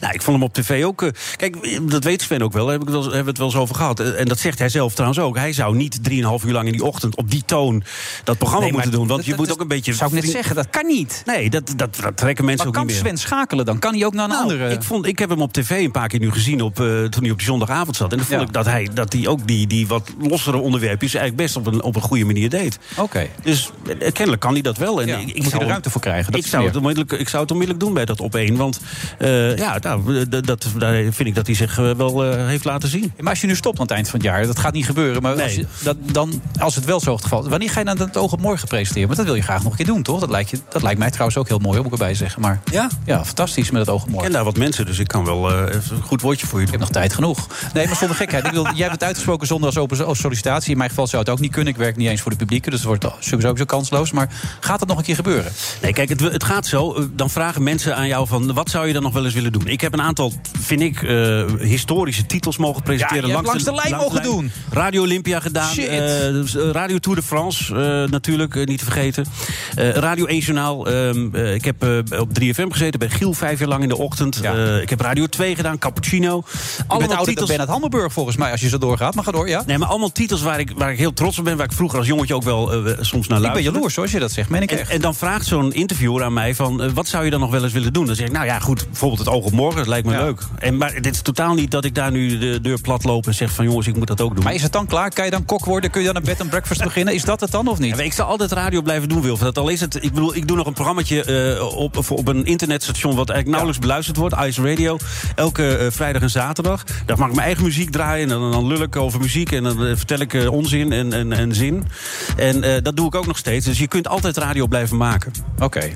Maar als het niet gebeurt, is je leven dan mislukt? Hoe bedoel je? Met het oog op morgen? Nee, nee, totaal, niet. Nee. Oké, al die titels zijn meer dan voldoende. Ja, ik ben, ik, ik bedoel, kijk, ik ben ook maar gewoon een simpele jongen uit eh, Hogeveen. En eh, dat, dat ik hier. En, kijk, ik weet niet hoe jij, dat, hoe jij dat ervaren hebt. Eh, Jij bent, bent dan in Groningen begonnen. Maar ehm, toen ik de eerste keer langs de lijn deed. En die tune, weet je wel, de bekende tune van Quincy Jones. hoor. Die stem van Hans Hogendoorn. eh, NOS langs de lijn met Jurgen van. Daar zat ik als jongetje naar te luisteren. Naar, naar Koos Postema en Willem Ruis. En dan denk ik, nou, dat. Ja, laat de wereld dan nu maar instorten. Ik heb dat allemaal wel eh, mooi meegemaakt. En daar ben ik echt heel eh, trots en blij mee. ik- Ja, dat zou ik echt ook nog wel eens willen meemaken. Maar ja, commerciële, hè, dat gaat niet. Ja, ja, dan, ja, moet je, wanneer ga jij stoppen eigenlijk dan hier? Jij zei net, eh, je gaat hier stoppen ook. Nee. Om Ja. uiteindelijk de weg vrij te maken voor het oog op Nou, morgen. dit is mijn laatste dan. Oké, we we maken het bij deze bekend. We stoppen ermee. Maar ik, ik lees Ik ga nu naar huis. Oh.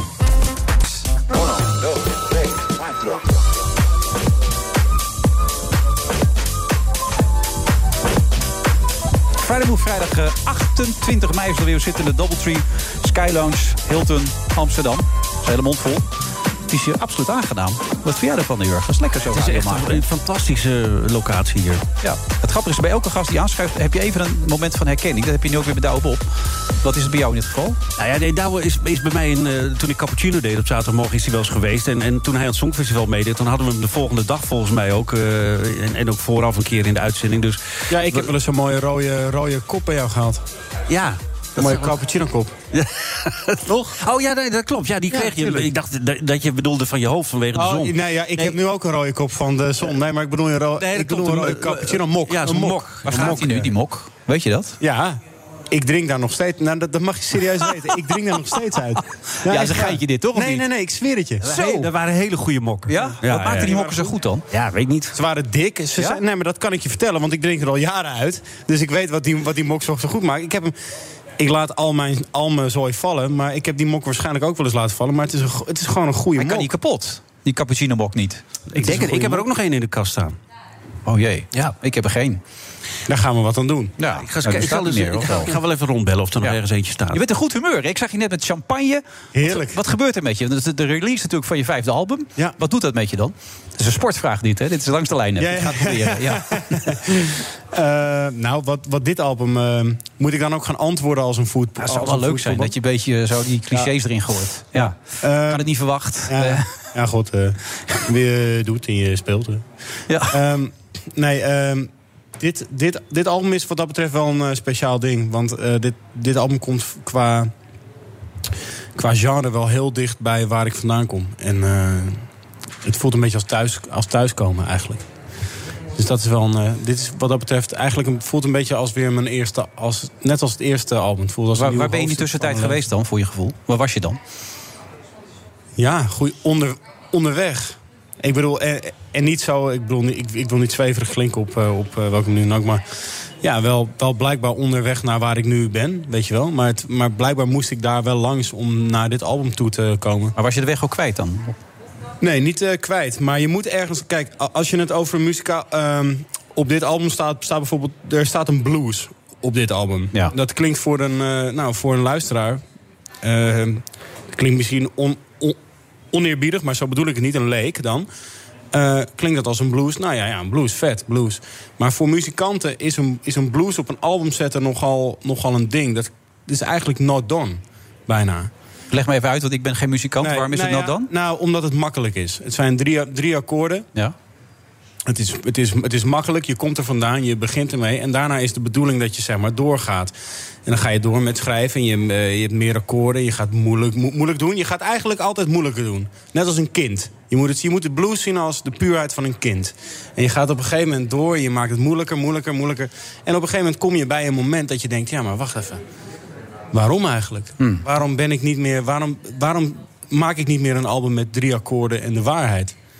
De puurheid van het kind is terug. Dat is wat je eigenlijk zegt. Eigenlijk wel, ja. Maar het, het moet ook niet nep klinken. Want blues is, is juist wat dat betreft heel ehm, eh, fragiel, zeg maar. Dat je kan ook gauw doorschieten in, in verkeerd sentiment, zeg maar. Dat zeg je goed. Ja. Ja. Nee, en, en dat is de kunst van dat, van dat, soort, van dat soort muziek.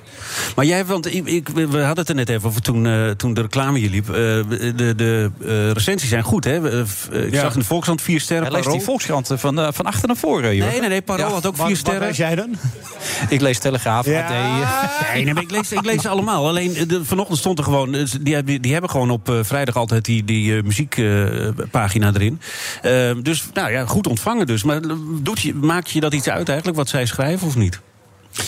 Eh, ja, ik vind vier sterren leuk. Eh, maar nou moet ik ook wel zeggen, weet je wel... ik bedoel, die vier sterren werden wel geschreven door iemand... eh, die eh, de banjo niet eens kan... Jean Pergele? Nee, toch? Nee, nee, nee. je Nee. weet het niet, hè? Maar die, Ehm. die nemen niet serieus, begrijp ik deze man niet. Nou ja, het, Nee, je neemt hem niet serieus. Moet je, zegt. moet je hem serieus nemen dan? Nee. Weet je wel, ik bedoel, de enige mensen die ik serieus neem is de, is de, is de luisteraars.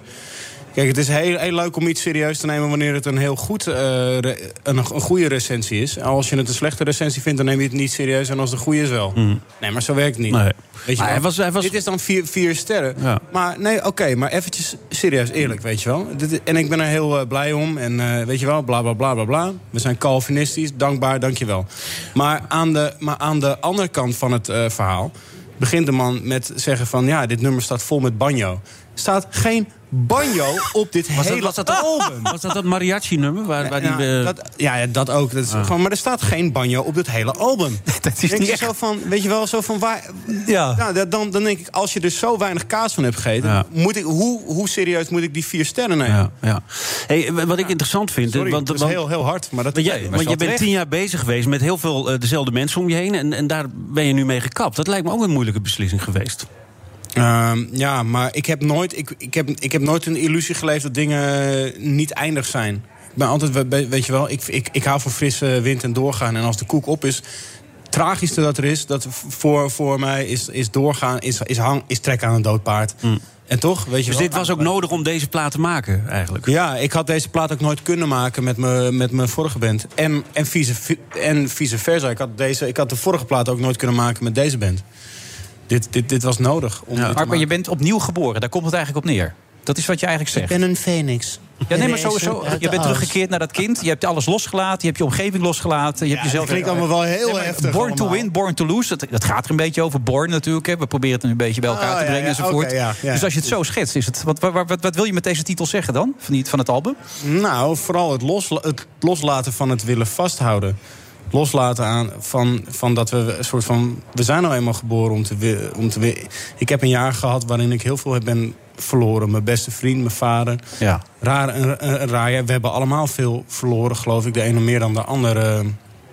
Ik heb een aantal mooie jaren gehad, maar ik kijk omheen en ik zie alle, alle mensen met de eenmanszaak omvallen. Ze vallen met eh, bosjes, weet je wel. En het is eh, best wel heavy om te, om te zien. En toch is dit album op de een of andere manier wel een, een ja, is eigenlijk het, het overkoepelende, de overkoepelende emotie is toch wel een beetje eh, troost of zo. Maar ben je als muzikant, maar ook als mens? Eh, Boy, ik las, las iets over het feit dat je jezelf in het verleden zo vervelend vond. Dat je een lastige, vervelende gozer was. Ja. Vond je dat van jezelf? Nou ja, als Ik kan me herinneren, jij was een aantal jaar geleden, weet je nog, met Oscar Hammerstein. Dat weet ik leuk zeker gesprek. nog. Ja, dat was echt, dat was super leuk was dat. Dat was een ja. absurd gesprek, maar wel heel leuk. Absurd was dat, ja. Ja. Maar dat was gaaf. Ik heb, toen nog, ik heb nog een tijdje contact gehad toen met Ja, want jullie zouden af gaan spreken zo na het gesprek. Ja, dat is nooit, nooit gebeurd. Maar dat was... Dat is echt een waanzinnig... Alles kwam op tafel gewoon. Maar ja, we echt alles gewoon. Waanzinnig was dat, ja. Ja. Maar dat vond je van jezelf toen, in die periode, dat je niet leuk was? Of Was dat tijdens het... Dat was daarvoor nog. dat was daarvoor, denk ik. Ja, niet, nou ja, kijk, ja, ik, ik weet het niet. Ik weet niet hoe dat met jou zit. eh, of met jou. Of met wie dan ook. Maar ik denk niet per se dat, dat zoveel aandacht op een jonge leeftijd goed is voor een mens. Het is, het is vlijend en het is leuk. Is het, is het, maar er komen ook heel veel vraagtekens. Is het echt? Nee. Ehm, houden mensen van je voor wie je, wie je bent? Nee. Ook, ook heel veel neg- negatieve dingen, weet je wel? Zo van, je, staat, je begint in ieder geval nooit met een... Met een dat hebben jullie toch ook? Jij, jij begint, Wilfred, jij begint nooit met een, met een, met een gelijke grond met, met iemand. Behalve met mensen die je kent. Het is altijd 1-0 voor of 1-0 achter. Ja. En dat is een moeilijk ding. Je, je moet of scoren om, eh, om eh, beter te worden, om, om, om gelijk te worden. Of je moet jezelf eh, naar beneden playen. Uh, zeg van ja, maar het valt allemaal wel uh, mee. Maar wat, wat ik hoor even de achtergrondmuziek op. Ik wil even dat nieuwe nummer horen. Amsterdam. Want ik heb gisteren, dat vertelde ik jou net voordat we hier begonnen. Ik heb gisteren op het strand gelopen van, van Ouddorp. Daar waren we met ons gezin. En ik was even mijn eentje aan het strand gaan ondergaan de zon. En toen heb ik dus het nummer Was It Just Me wel twintig keer gedraaid. Zo verschrikkelijk mooi. Die zon ging onder. Ah, dankjewel. Ja. En nu komt het nieuwe nummer. Dat heet Amsterdam. Wat wil je erover zeggen? Voordat we het laten horen? het gaat over Rotterdam. nee, maar waarom? Wat, wat, wat zit erachter? Wat is het gevoel? Oh, het gaat over thuis, thuis, uh, thuiskomen. thuiskomen. Weer thuiskomen. Dat kind dat thuis komt dan eigenlijk weer. Ja, je, je, je houdt van uh, bruggetjes, hè? Ik probeer ja, ja. het ja, nou, te maken. La, laten we dat maar zo houden, dat is goed. Okay, ja. Laten we even luisteren dan.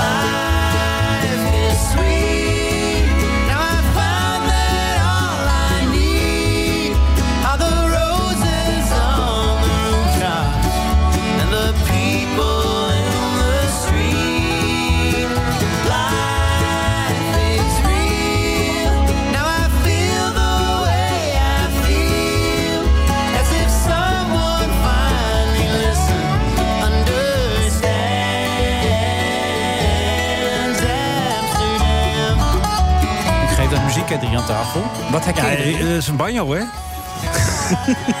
ja, vijf uh, banjo's, inderdaad. Heb je goed gehoord? Was dit dat nummer waar hij dacht dat er een banjo is? Had? Ik, het zou me niks verbazen. ja. ik, ik, denk het wel. Ik denk het, ja. Maar wat herken jij erin? Ik, ik, ik, zat ik vind het heel mooi. Jouw grote vriend Johan Derksen zal deze, deze plaat echt uh, fantastisch vinden. Want die, die vindt dat er sowieso veel te weinig van dit soort muziek op de radio is. Blues ook hoor ik uh, Douwe Bob zeggen. Um, dus ja, ik vind het heel mooi. Wat wil je ermee bereiken Dat zat ik me gisteren bedenken. Want ik had dat nummer een paar keer in de ochtendshow bij ons gedraaid. En toen zei mijn sidekick Rick, die dan verstand van muziek heeft... hij zei, dit is niet hitgevoelig genoeg. Nee, ik zei, maar het is verschrikkelijk mooi. Ja, wat, wat, wat, wat grappig. Nou, wat je nu zegt is, is, is eigenlijk precies... Ja, je slaat de spijker op zijn kop. Wat, wat wil je ermee bereiken? Ja, wat is dan jouw ultieme doel erin? Vind je het belangrijk, die hit? Want ik, Danny Vera al tegen mij... ik hoef geen hits te scoren. Nou had hij met Rollercoaster een enorme hit gehad. Zie je toch dat het wel wat doet? Hoe is het voor jou dan? Je hebt natuurlijk een aantal goede nummers al gemaakt natuurlijk ook. Met de Amsterdam. Ja, ja, überhaupt met muziek maken. Wat, wat is jouw hogere doel? Het, mijn, mijn, mijn, mijn mooiste ding is dat wanneer ik een... Uh, echt, echt waar, dat meen ik echt. Wanneer ik een berichtje krijg van een, uh, van een jong gastje of een jong meisje op uh, Instagram... Die, die zegt, die helpt me door een moeilijke tijd heen. Dat is voor mij echt... Dat, dat betekent voor mij meer dan, dan hoeveel stadions vol ook. Ja, echt. Ja, dat is het uiteindelijk ook. Dat is uiteindelijk wat muziek moet zijn, toch? Een magisch ding. Dat, er gewoon, dat, dat gewoon ons. Het is gewoon liefde. Muziek is, muziek is liefde. Meer moet het ook niet zijn. Het moet je raken. Maar, je, maar jij schrijft toch ook niet... Volgens mij schrijf jij gewoon nummers. En als het dan een hit wordt, is dat mooi meegenomen. Of je, je kunt daar toch niet op schrijven? Of? Ja, ja, het gebeurt. En het, en het lukt. Kijk maar naar de, kijk maar naar de charts. Ik bedoel, hmm. dingen zitten er vol mee. Nee, oké, maar dan heb je het echt over die, die, die, die, ja, die, die echte popdingen... wat allemaal op elkaar ja, maar dat zijn mensen met doelen. Dat, ja. is, dat is het grote verschil. Als je muziek gaat maken met een doel... dan ga je een andere tak van sport hmm. uh, spelen, weet je wel. En dat is een ander ding. En wat gaat het kind Douwe Bob nu vandaag doen? Nadat hij hier geweest is? Iets speciaals, uh, iets bijzonders? Of? Nu? Ja? Ik ga, ik ga een feest vieren. Ik ben eigenlijk stiekem al een beetje begonnen. Ik ga een feest vieren. ik, ga, ik ga nog door met feest vieren. Ik vind dat je helemaal gelijk hebt. Dankjewel, man. Mooi dat hij er is. Born to win. Douwe Bob. En als hij net zo mooi is als die En Born to lose. Als je hem omdraait, staat er Born to lose ook. Verrek, daar staat het. Born to lose. Ja, born to win, born to lose. Ja. ja, goed hè. Prachtig. Veel plezier, hè, Douwe. Hey, bedankt dat ik erbij mocht zijn. Goedjes. Ongekend. Ongehoord, dit gaat alle perken te buiten. This is an attack on democracy. Bovendien, Lukashenko wordt op deze manier steeds verder in de armen gedreven van Poetin. Wilfred Gené. Echt gebeurd, ook een van de best beluisterde podcasts, is nu op papier verkrijgbaar.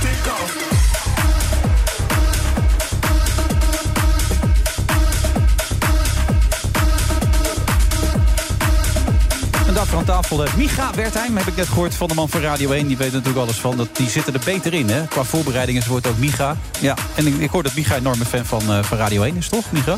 Uh, ja, ongelooflijk. Maar Radio maak ik een keertje een uitzondering voor. Oh, dat vind ik heel aardig van je. Dankjewel. Hij begon over Radio 1, hoor. Ik ben... Ik ben eigenlijk vooral om over mezelf te praten. Maar ik wil ook best wat zeggen over Radio 1.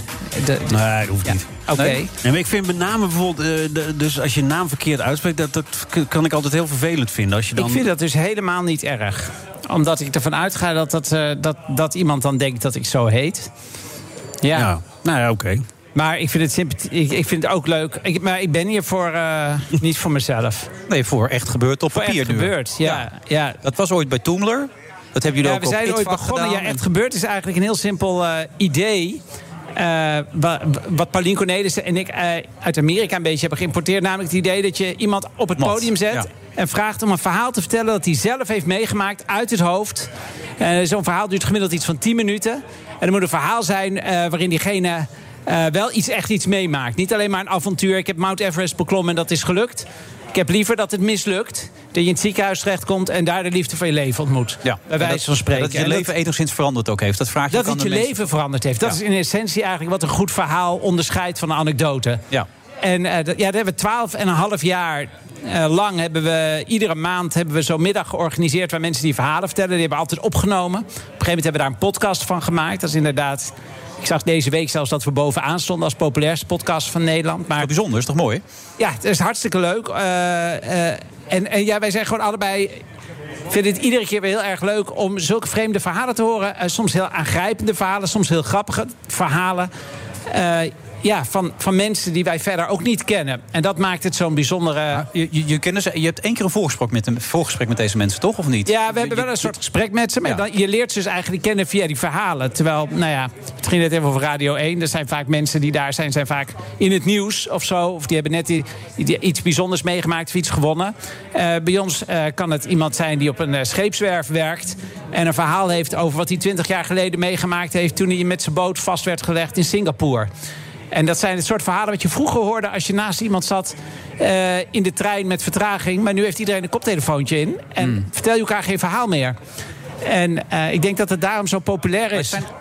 Alle soorten mensen. Het zijn geen mensen die een theateropleiding hebben. Iedereen die Nee, een verhaal nee, heeft, die nee komt liever niet zelfs. Liever Nee. niet. Er zit wel eens iemand tussen uit het theater, omdat wij daar allebei werken, Pauline en ik.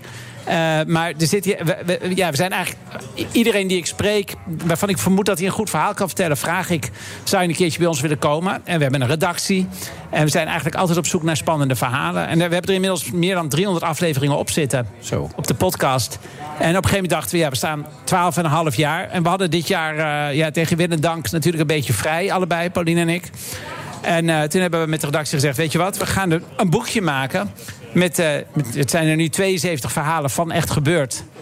En die, eh, ja, dat zijn eigenlijk drie kleine boekjes in een cassette gemaakt. Zodat als je op het strand gaat liggen, dat je van het ene verhaal in het andere verhaal eh, valt. Maar de kracht zit hem natuurlijk dat je dan naar luistert, toch eigenlijk? Daar zit ook toch het gevoel vaak wat je dan erbij krijgt. Of, of... Ja, ja, en dat, dat was wel eventjes iets waarvan we dachten... moeten we dat nou doen of niet? Verhalen die mensen verteld hebben uitschrijven. Maar het, het grappige is dat het heel goed werkt. Die verhalen gewoon helemaal uitgeschreven zoals ze verteld zijn. We hebben natuurlijk wat eus eruit gehaald. Mensen die bij ons vertellen, bereiden het wel een beetje voor. Ze bedenken wel hoe ze het gaan vertellen. Bedenken een beetje begin en een einde. dat maar ze bij, lezen het niet op. Ze leren het niet uit hun hoofd. En dat, dat, le- dat levert eigenlijk een heel vrije soort van vertellen op. Want normaal gesproken, als iemand een verhaal op gaat schrijven... gaat hij denken, hmm, hoe zal ik dat eens eventjes onder woorden brengen? En dan wordt het meestal niet beter van. En omdat we eigenlijk deze mensen hebben gewoon maar verteld...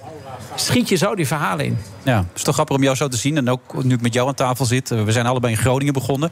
Ik ging altijd vroeger bij jou kijken. Toen je helemaal in het begin bij Toemler enzovoort eh, ging optreden enzovoort. In Groningen zijn jullie begonnen? Nou, wij zijn allebei bij de omroep in Groningen begonnen. Oké, ik ben daar... eh, Je bent geboren in geboren, Groningen? ja. Maar je bestond later in Toemler in Ja, Amsterdam enzovoort. ja. En dan ging ik als jonge Amsterdammer... Ging Nou ja, in Toemler deed ik natuurlijk stand-up comedy. Ja. En dat vind ik ook altijd heel erg leuk. Maar stand-up heeft, heeft ook een beetje iets treurigs. In de zin van dat mensen altijd denken, wanneer komt de grap? Mm. En sommige goede verhalen, die hebben niet per se een grap. En die zijn wel leuk. En dat is eigenlijk in essentie wat echt gebeurd is. Ik, kende het niet, deze eh, podcast. Maar wat ik er mooi aan vind, is dat het ook zo'n mooie tegenhanger is tegen. Want als je tegenwoordig een, een programma kijkt of luistert. Of, het zijn altijd BN'ers met hun oeverloze, eh, non-interessante verhalen, vind ik over het algemeen. Eh, geldt dan Die ook vaak hebt gehoord. Eh, ja, dus- en altijd weer dezelfde mensen. En ik, ik, ben zelf ook heel erg. Als we het met de redactie hebben over. Je probeert het nieuws ook een beetje te vertalen naar mensen dichtbij. En dan heb ik het liefst gewoon mensen die. Ja, die helemaal niet bekend zijn, maar die wel het verhaal goed kunnen vertellen. Ja, ja. En, En dat dat- zijn vaak ik- veel authentiek. Is, is veel leuker altijd. Ik weet nog dat ik een keer in New York was. En er stond letterlijk een rij mensen om het blok heen. die allemaal naar binnen wilden bij zo'n vertelmiddag. Eh, en eh, toen ik, d- bij mij was het gelukt om binnen te komen. En ik was in één keer verkocht. Omdat het zo verschrikkelijk leuk is je op, ja, allemaal de meest krankzinnige verhalen over mensen. Het is wel makkelijk om te vragen, noem er een paar. Maar dit, dat kan haast niet. Nou je moet het bijna lezen. Ik, ik, ik kan er zo naar kijken. We, hebben iemand die bes- beschrijft hoe hij als jonge jongen terechtkomt in een psychiatrische inrichting. En daar maar niet uitkomt en daar kerst moet vieren. En dan helemaal vertelt op een hele grappige, maar ook verschrikkelijk aangrijpende manier. hoe dat is als je daar als puber opeens verkeerd gediagnosticeerd maar blijft zitten. Ik heb hier een verhaal van, eh, van, eh, van Nathan Vecht. Die was post, postbode. Eh, had, hij, had hij een postbodepak aan. Had hij ontdekt dat hij daarmee overal naar binnen kon glippen. Dus op een gegeven moment eh, is hij bij het Nationaal Geschenk voor Maxima en Willem-Alexander is gewoon naar binnen gelopen. Want iedereen laat de postbode binnen. Tuurlijk, ja. Het is een leuke eh, jongen trouwens, Nathan Vecht. Die, die heb, ik, heb ik ooit nog meegewerkt bij Casa Luna s'nachts. Een eh, nachtprogramma. En dan hadden we Ja. de gekste, de gekste mensen in de uitzending. Maar dus, die, ik, ik ga nog even door. Ik heb Sa- Seino eh, van Breugel, dat is een jongen die eh, een, een, een, een- in, in India een jaar gaat wonen om een taal te beschrijven van de atong. En dan gaat wandelen met allemaal mensen waarvan hij de taal heeft geleerd. En dan op een gegeven moment aan een rots hangt met zijn vingers. En denkt van ja, ik kan niet meer voor en niet meer achteruit. En dan gaan al die kleine mannetjes, want ze zijn allemaal driehoofdig kleiner dan hem, Mm. vormen een soort ketting. En die redden hem ter nauwe nood. Een vrouw die uit Irak, uit Iran is gevlucht. Eh, maar mij iemand die vertelt over een ja. hele rare moordpartij bij hem in de straat. Nou ja, zo gaat het maar door. Ik denk dat dat ook is waarom bijvoorbeeld heel veel jongeren eh, het heel erg leuk vinden om de podcast te luisteren. En ik hoor ook het boekje te lezen. Ja, maar de podcast kun je altijd zo te pakken nemen natuurlijk. Die kun Ja, je de overal podcast is gewoon echt gebeurd. Ja. En we zoeken ook altijd mensen die een verhaal willen vertellen. Dat kan je in onze site kan je opgeven. En, eh, Ja, ja je bent heel erg doelgericht. Hè? Je wilt niet te vanaf wijken ook. Want ik wilde even richting het sentiment van toen wij nog jong waren. Maar dat Oh, wilde je nee, absoluut niks vind van ook weten. Nee, maar ik- je wilde ja, absoluut ik naar was- dit, dit verhaal toe was van echt gebeurd. week op televisie. Toen was het voorbij voordat ik begonnen was. Ja, dat merkt ik elkaar. Ja, nu heb ik het verteld. Ja. Nu wil ik over alles praten. Nee, nee, nu is het afgelopen. Juist. Ja, nee, Ja, dan zie krijg je, je. Nee, maar ook in het begin van het interview merkte ik al, je wilde onmiddellijk naar echt gebeurd toe. Dat is heel Ja. goed van je. Je wilt niet over Radio 1 praten, ook niet over Jurgen dat hij stopt. Oh nee, stopt niet. Hij gaat door. Dus voor de duidelijkheid even. Maar waar kun je dit krijgen? Hoe ga je dit Ja, in bestellen? alle boekwinkels kan je het gewoon krijgen. Echt gebeurd. Het is een mooie cassette met drie kleine boekjes erin.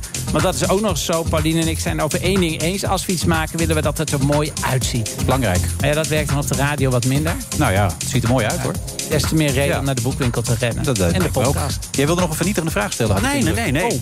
Ik vind het mooi, want iedereen heeft eigenlijk wel een verhaal. Eh, sommige mensen weten het niet altijd even goed over het voetlicht te brengen. Of, of durven het niet. En dat, dit is een, een mooie manier dus. Ja, ja nee, en, en, en ik denk ook dat eh, het, het leuke is dat als mensen eenmaal bij ons een verhaal vertellen, dan, dan denk je opeens, oh, maar zo'n verhaal heb ik ook nog wel. Hmm. Vaak heb je ook niet het idee wat een goed verhaal is, totdat het bijvoorbeeld gaat over een auto-ongeluk. En dan zeg je, oh, daar heb ik ook wel eens een keer iets raars meegemaakt. En dan begint het vanzelf te rollen. Heb jij nog een goed verhaal, Wilfred? Ja, maar de tijd is over mij. Ik had best een leuk verhaal gehad misschien. Maar hey, wanneer gaat het podium open, hoop jij? Denk je? Volgende Wanneer week? open gaat, Kan het eh, weer? morgen, binnenkort? denk ik. Ja? Ja, toch? Dan, op, op vanavond is geloof ik een persconferentie. Ja, persconferentie, ja. En dan, dan mogen de podia weer een, een beetje op een En dan kier. gebeurt ook weer allemaal live in Toemelen en dat soort dingen. Ehm, nou, zodra we kunnen. Ja, we hopen zelfs nog voor de zomer nog een echt gebeurd eh, te kunnen organiseren. Eh, gewoon om nog even weer eh, de, de werkelijkheid aan te tikken. Micha, bedankt. Nou, graag gedaan. En dan praten we een andere keer verder over andere onderwerpen. Thuis of... Ja. ja? Oké. Ja, dat is goed. Dankjewel.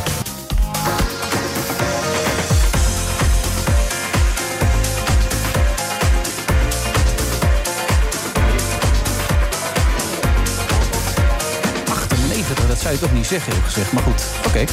Micha Wertheim. eh, nee, ik heb het niet over jou, Bernard, hè, voor de duidelijkheid. Ik had het over een collega van jou.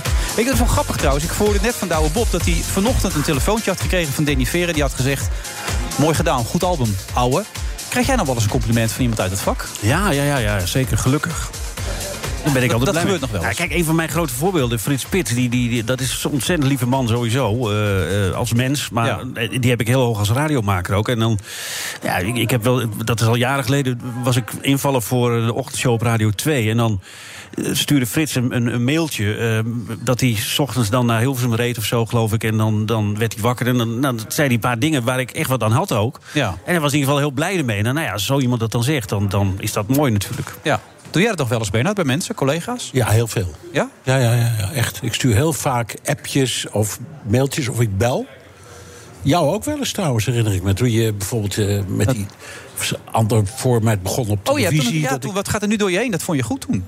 Jij wel? Ja, ja, ja. ja, ja, ja. Nee, maar ik heb nou ook, ook echt geluisterd. En dus ja, ik vind het leuk. Ja. Als ik vrienden of collega's... eh, jij noemt Frits Spits. Nou, die, die hebben we allemaal op een soort van plateau staan. Dus dat geldt voor mij ook. Maar het lijkt wel een beetje not dan in ons vak, heb ik het idee. Nou, we- je vergeet het soms in de ha ik, wil- ik had het vanochtend met een collega van me over. Die had iets. eh, dat is iemand achter de schermen, gewoon een re- redacteur. Die eh, had van de week twee dingen voorbereid. Die gewoon echt goed waren. Goede sprekers. Een beetje in, in de lijn met wat, wat Micha net vertelde. Gewoon mooie verhalen van mensen. Ja, en dan. dan eh, dus ik, ik, dat heb ik nu expliciet even tegen haar gezegd. Van, dat vond ik hartstikke goed. Eh, maar soms vergeet je dat in de haast. want Dan ga je alweer door eh, naar de volgende, weet je wel. En daar, moet, daar zouden we iets meer eh, tijd voor moeten nemen, misschien. Ja. Heb ik al Jas verteld dat je een hele mooie stem hebt? Nee, vertel. Nou, je echt de mooiste stem vertel. Van de, heel Nederland. Eh, Even de laatste ontmoeting tussen Lukashenko en Poetin. Is die al voor wel geweest? Die speelt vandaag. Ja, of is het nog ja, niet en afgelopen? dat is het feit dat die plaatsvindt is al heel belangrijk. Mhm. Want daarmee is het in, in feite, eh, kun je zeggen, Lukashenko onschendbaar. Zolang Rus, dat grote Rusland zegt, doe maar. Ja. En Poetin heeft natuurlijk... Haal belang- vliegtuigen naar beneden om mensen eruit te halen. Ja, maakt allemaal goed, zak niet uit. uit. En, en daar komt direct nog even op. Maar, maar de, de, de Russen vinden dat allemaal hysterisch van ons. Dat we daar zo heftig op, reage- op reageren. Eh, maar de, voor de Russen is natuurlijk Wit-Rusland, Belarus... nog altijd gewoon een, een, een onderdeel van dat oude Rusland. Ja. Dus Poetin speelt wel een slim spel. Die vindt het wel handig dat daar in het stuk wat eigenlijk Russisch is... een dictator zit. Want die kan, dan, dat kan hij manipuleren zoals het hem uitkomt. Oké. Wat vinden ze eigenlijk van elkaar? Ik bedoel, Wat vindt Poetin eigenlijk van die Lukashenko? eh, Als je, als je hem eerlijk zou vragen. Ja, dorpsgek natuurlijk, toch? Ja, maar een dorpsgek waar hij ge- gebruik van kan maken. Zoals, zoals eh, China gebruik maakt van Noord-Korea. Zo gebruikt hij, eh, gebruikt hij eh, Belarus. Ja.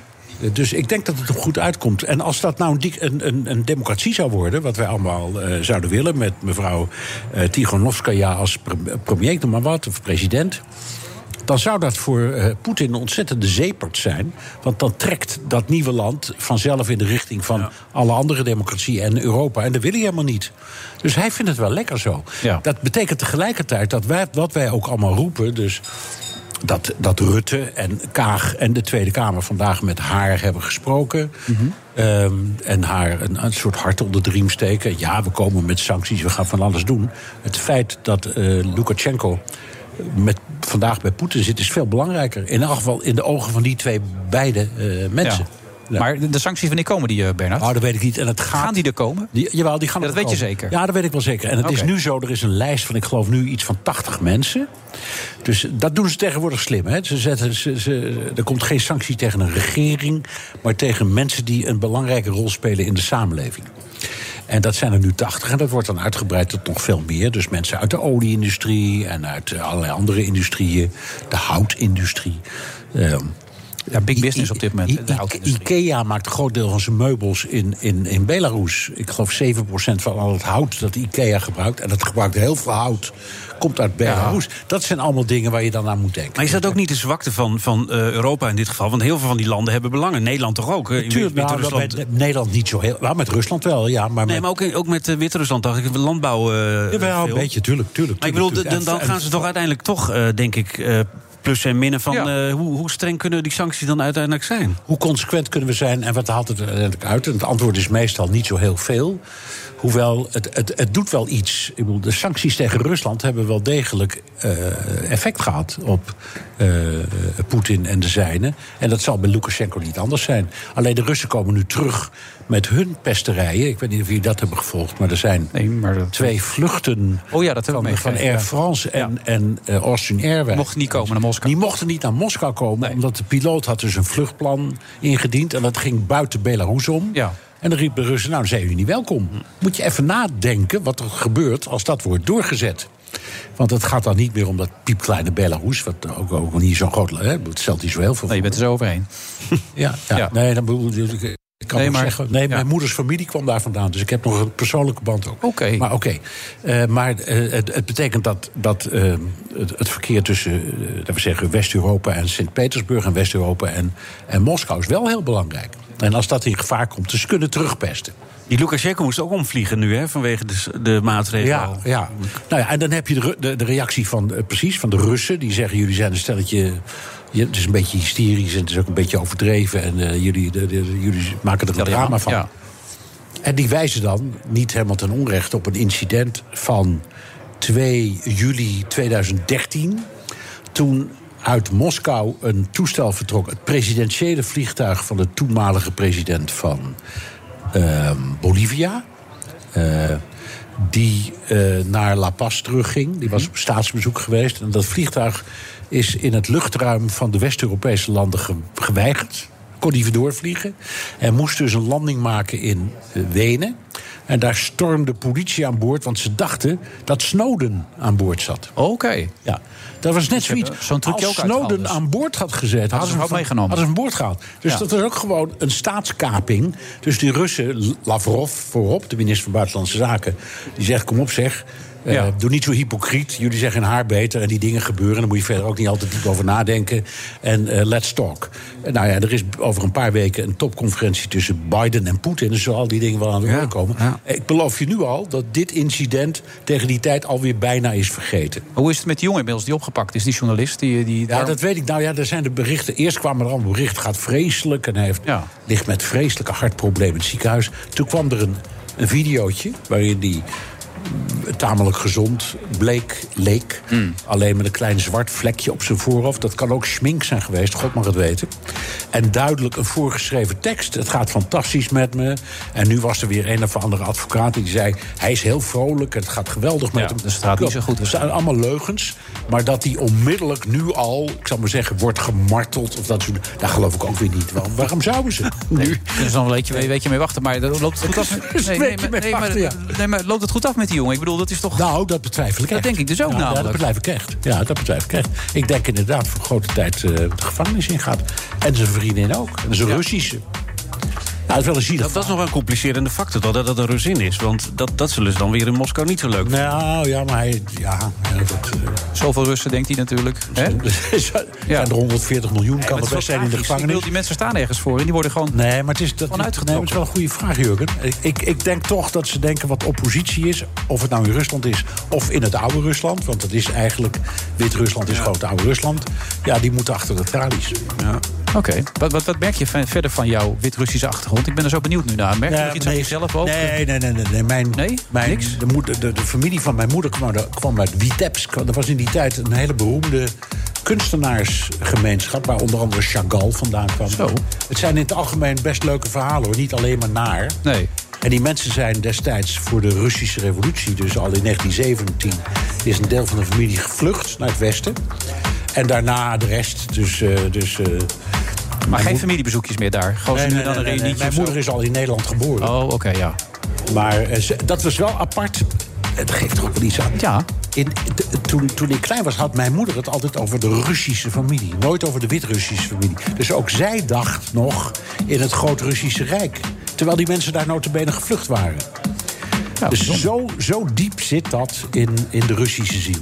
Oké, dat verklaart ook waarom die twee nu samen zitten. En dat zou bij elkaar er wel uit gaan komen. Ja, Dankjewel weer, toen, ik- Bernhard. toen ik heel klein was, zong ze me nog wel eens in slaap... in een Russisch-talig slaapliedje. Ja, weet je dat nog? Nee. Ach, Nee. zonde. En, Ja, dank en je er niet meer, kan niet meer vragen. Nee. Maar jij bent er gelukkig wel. En volgende week ook weer, neem ik aan, toch? Nou, dan zit ik weer, ben ik thuis in Amerika, in New York. Dus eh, alleen maar, dat kan alleen maar via lijnverbinding. En daar hebben jullie zo'n aparte eh, opvatting over. Dus ik weet het nog niet. Oké. Hangt van jou af. Of ik erbij ben. Volgende week. Oké. Was er opeens geen minister van Economische Zaken meer. Dus ja, je moet keuzes maken uiteindelijk. En dat is niet leuk. Om vooralsnog het Wit-Russische luchtruim te vermijden. Wilfred Gené. Nederland wordt Europees kampioen, zegt Jurgen van den Berg. Opmerkelijk.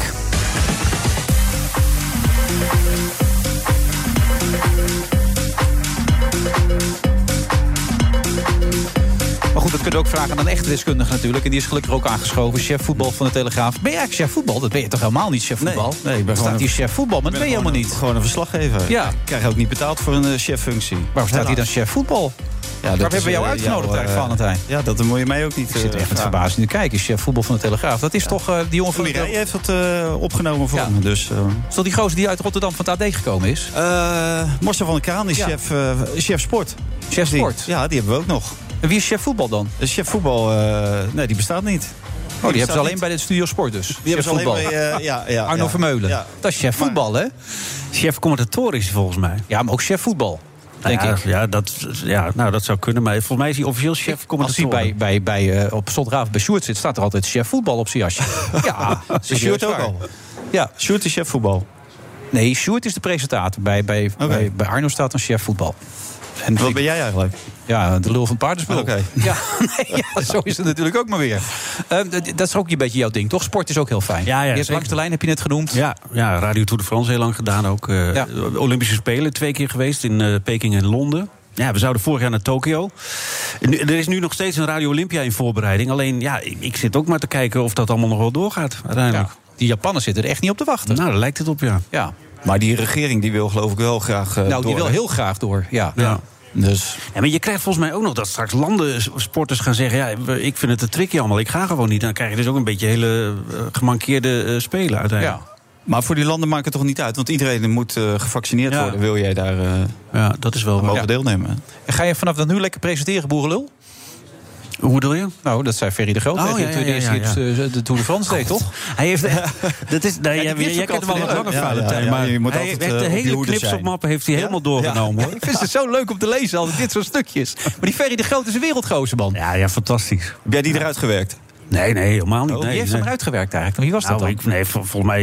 eh, Nee, Ferry is eruit gewerkt. Kom op, man. nou, dat weet ik, dat weet ik allemaal Nou, niet. als je Ferry spreekt, is hij niet altijd even vrolijk. Nee, dat is wat anders. Dat is wat anders. Maar dat zie ik wel bij meer mensen die bij de omroep ooit hebben gewerkt. Die zijn allemaal heel zuur eh, dan ineens. Ja? Ja, ik snap dat nooit zo goed. Maar Maar, er zijn er ook die gaan nu plaatjes opnemen en zo. Help ons even. Jack van Gelder. Jack Verhelder, gaat die Ja. plaatjes opnemen? Die heeft een nummer opgenomen. Oh. Summer Holiday. Gaat hij niet naar RTL? Ja, of, ja, dat was de bedoeling volgens mij. Als, als backup voor, voor... Umberto, toch? Ja, maar, maar goed. Maakt ook allemaal niet uit. Dat zei hij tegen jou de allereerste Nee, uitzending. weet ik- ja, precies. Ik, het was namelijk zo dat Sjors eh Freulich, die, die kreeg last met zijn stem toen al. En Ja, toen, eh, burgemeester nu, hè? Ja, ja burgemeester Ja, 90 Freulich. miljoen aftikken. En eh, die. eh, dat, dus toen, toen moest daar een vervanger komen. En eh, dat, dat ging eerst om s'avonds. En toen eh, ging jou, Jan Douwe Kroes stopte ook nog met, eh, met Radio eh, Tour de France. En toen werd ik daarvoor gebeld. Dus nou ja, ik vond dat, hè, wat, ik, wat ik daar straks beschreef, dat je daar daarvoor gevraagd wordt ten eerste al. En de chef zei nog: moet je dat niet even thuis overleggen? Is, nee, tuurlijk niet, dat gaan we doen. Ja, je toch geen vriendin op dat moment? Nou, wel, maar Oh, eh, ja, ik vond gewoon dat eh, zo'n geweld- vertellen. nou, dat is gewoon zo'n geweldig snap aanbod. Dus dat doe je. En toen, ehm, eh, toen had ik de eerste uitzending erop zitten. En toen belde Ferry vanuit Frankrijk. En die zei: Oh, boerenlul. Want dat zei hij tegen iedereen. Ehm, Niet omdat je uit Drenthe kwam. Ga je, ga je nou morgen presenteren? En eh, toen dacht ik, verdomd, ja, hij heeft gelijk. Want ik zat veel te veel opgefokt. Toen wilde ik natuurlijk dat goed doen en zo. En, en, en, en dat was precies net eh, wat, wat ik op dat moment even nodig had. Meer zei hij ook eigenlijk niet. En dan komt het goed. En, Dan weet je ook waar het over gaat, toch? Ja, Zo werkt het wel. Dus hij was, hij was een hele goede eh, radiomaker ook vooral. Ja, een fantastische radiomaker. En niet alleen met de Dick van Elkaar show, maar gewoon hij voelde gewoon aan Ja, ja. Wat, wat werkt. Uh, ben jij nog wel zenuwachtig eigenlijk, Valentijn? Ken je dat gevoel? Dat je een beetje Nee, weinig. weinig. Nu, nu wel. Ik ben nu wel een beetje nat. eh, ja, dit, dit is mijn favoriete radiozender. Dat is echt een ontboezeming voor mij. Ja, dan zit jij te lachen. hè? Is het serieus waar? Dat is 100% waar. Ik heb Durf je deze zeggen zender waar Jurgen- altijd op staan. En waarom dan? Ah, hij zit nu daar. Bernard Hammelburg. Ja, goed hè? Thomas Verzeil. Ook goed. Kees de Kort. Zeker, Kees de Kort. Kees de Kort. Ja.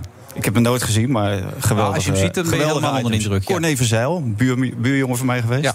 Aandelen, weet hij alles van? Weet hij alles van. Daar weet ik helaas wat minder van. Dus Corné heeft het beter gedaan dan ik. Oké. Ehm, maar je hebt verstand van voetbal, als het goed is. Al ben je geen chef voetbal. Ehm, je vindt het een verwarrende start, lezen wij in jouw column van de Frank de Boer. Ja. Wat, wat maakt Frank zijn start zo verwarrend in jouw ogen dan? Nou, Frank, eh, die zit af en toe nog wel eens mis. Nu gaat, die, eh, nu gaat de zaag beginnen. hè? Nu gaan we Nee. achterover. Ja, dat komt Nee, nee, nee. Dat, is, eh, gelezen ja. Dat, dat valt wel mee. Maar er zijn natuurlijk wel een aantal dingen die hadden wel wat beter gekund. Eh, onder andere de communicatie. Maar daar is Frank nooit eh, heel goed in geweest. In het communiceren met eh, spelers, met eh, de staf. Eh, dus daar ging het al direct fout natuurlijk. Ja, nou, dan kreeg je dat, met de media? Ga door, ja. Media, dat rare filmpje natuurlijk van de, de KNVB. Nou, daar werd hij ook weer door ingehaald. Vervolgens eh Donny van der Beek. Eh, die 4000 minuten, daar overblufte hij mij mee. Want ik vroeg van, over Donny van der Beek. Zegt hij, ja, dan breng je zeker weer over die speelminuten. 4000 minuten. Nou, ik, ik zat wel te denken, 4000 minuten. Ik denk, nou, daar heeft de rest heel weinig gespeeld. De rest van de selectie. Maar hij zat dus eh 3600 minuten fout. Ja, maar dat had je op dat moment niet door. 26. Dat je Nee. kon hem niet om de oren slaan. Nee. Dat vond ik achteraf vond ik Ja. dat wel jammer natuurlijk. Dus ik was niet scherp genoeg. Nee, Eh, dan moet was ik je wel chef voetbal zijn. geweest, ja. ja. Was ik chef voetbal geweest. Ja. Dus, eh, nou ja, en wat eh, gaat er nog meer gebeuren met, eh, met Frank? Ja, Weghorst de hele tijd natuurlijk niet bij. Nou, dadelijk krijg je Weghorst, Luc de Jong. Ja, Babel ook al, dat verhaal Babel, Babel zou er al die tijd bij blijven. Al was Ja. het al voor de kleedkamer. Al moest hij de tasjes jouwen. Juist. Babel er als eerste af. Ja, Dag. nou, eh El- elkaar zie je bij de voorselectie nemen, nooit spreken... en vervolgens af laten vallen, nooit gezien. Ja, dan kan je hem net zo goed niet bij de voorselectie nemen. Het hele gebeuren met Promes. Hij heeft aan Promes gevraagd eh, of hij schuldig is. Nou, wat denk jij? Nou, die heeft gezegd van niet natuurlijk. Die zegt, Nee. wat denk jij nou? Ik Nee, heb niks gedaan, man. Hij, hij zou ja zeggen. Ja. Nee, maar Frank neemt dat gewoon zo over. eh, die eh, vragen hem een week lang de hemd van het lijf. En hij zegt nee. En tegen Frank zegt hij ja. Maar ik had laatst John van Heuvel in de uitzending bij ons. Radio Veronica was dat. Die zei, nou, we hebben zeker drie getuigen inmiddels. Die hebben gezien dat hij het gedaan heeft. We. John zit ook in het... Ja, dat weet ik eigenlijk niet. Dan zou ook wel ze kunnen zijn geweest. Dat Ja, ik er ja. nu van. Ja. Maar er zijn drie getuigen, zijn. daar kwam het op neer. Nou, Peter de Vries die was van de week natuurlijk ook wel eh crystal clear daarover. Ja. Maar wat raar is, van, nu vraagt Frank de Boer vraagt hem... heb je, heb je het gedaan? Nou, hij, die jongen zegt uiteraard nee. Wordt hij dadelijk toch veroordeeld? Dus heeft hij gelogen tegen de bondscoach. Dan kan je hem in feite toch nooit meer selecteren daarna. Nee. Dus die vraag moet je gewoon niet stellen aan die jongen. Die moet je hem niet mee in de problemen brengen. Hij zit al genoeg in de problemen. Ja, maar je moet al helemaal niet in de media gaan roepen... dat je denkt dat hij onschuldig is. Nee, natuurlijk bedoel, niet. Dat is lekker handig. Maar je moet hem ook niet selecteren. Maar dat, dat, dat is niet alleen de verantwoordelijkheid van eh, Frank de Boer. Dat is de verantwoordelijkheid van de hele KNVB. Co Adriaanse zei ooit... de coach is de thermometer van zijn team. Aan een coach kan je zien waar een team voor staat. Als we nou naar de thermometer kijken bij, bij Frank... wat zien wij dan? Een heel verwarrende Nee, de maar is dat een man die iets uitstraalt? Wat, nou, kijk, je kan zeggen wat je wil van Koeman... maar er stond altijd iemand. Daar had je het gevoel Ja. bij...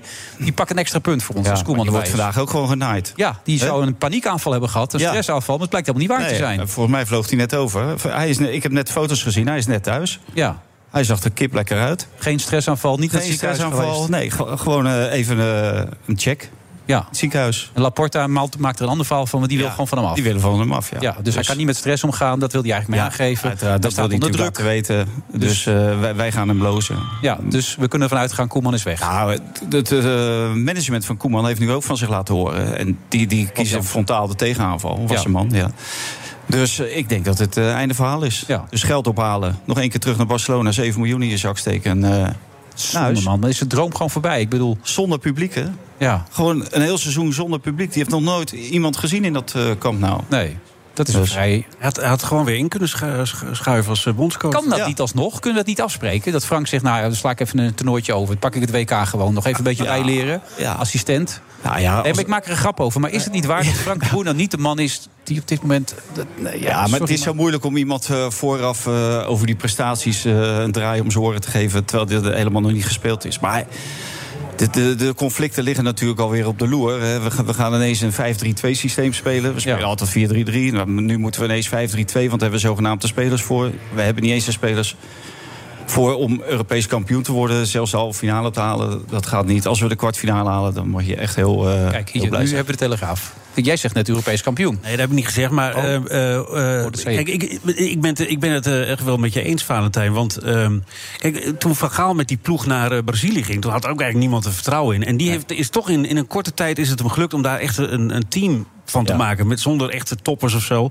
En, eh, Nou, nou ja, maar ik bedoel- Rob, eh, Robin oké. van Persie, Nee, nee, maar, maar ik bedoel, het was, het was toch een beetje losstand eh, toen ze weggingen. En, en eh, die heeft er wat van. eh, en en dat, dat zie ik eerlijk gezegd nu niet gebeuren of zoiets. Eh, dus ik bedoel, Nederland heeft natuurlijk prima spelers, maar eh, ver komen, ja, dat, dat, ik, weet- ik heb geen idee. Nee, maar deze veel van deze spelers die blinken uit. eh, Berghuis, eh, Gakpo, eh, die blinken Maar, uit in de eredivisie. Maar, Maar, Valentijn, even mee. Pek Zwolle, ADO. Hoe lang is het geleden dat we in de finale stonden van de... Wat was dat toernooi? Nations League. Nations League, hè? Met Ja. tegen Portugal. Toen hadden we allemaal het gevoel, we zijn op weg naar de Europese titel. Maar- we hebben een nieuwe lichting, een nieuwe Zijn we ook generatie. al, eh, toen zijn we drie keer door de oog van de naald gekropen. Maakt niet uit, maar we hebben wedstrijden Maar gespeeld dat, tegen toen, Duitsland, had je ook nog, eh, eh, toen waren onze vrienden natuurlijk een beetje eh, in, in stijgende lijn. Die hadden het nog nooit meegemaakt. Nu hebben ze iets meer meegemaakt, ook bij hun clubs.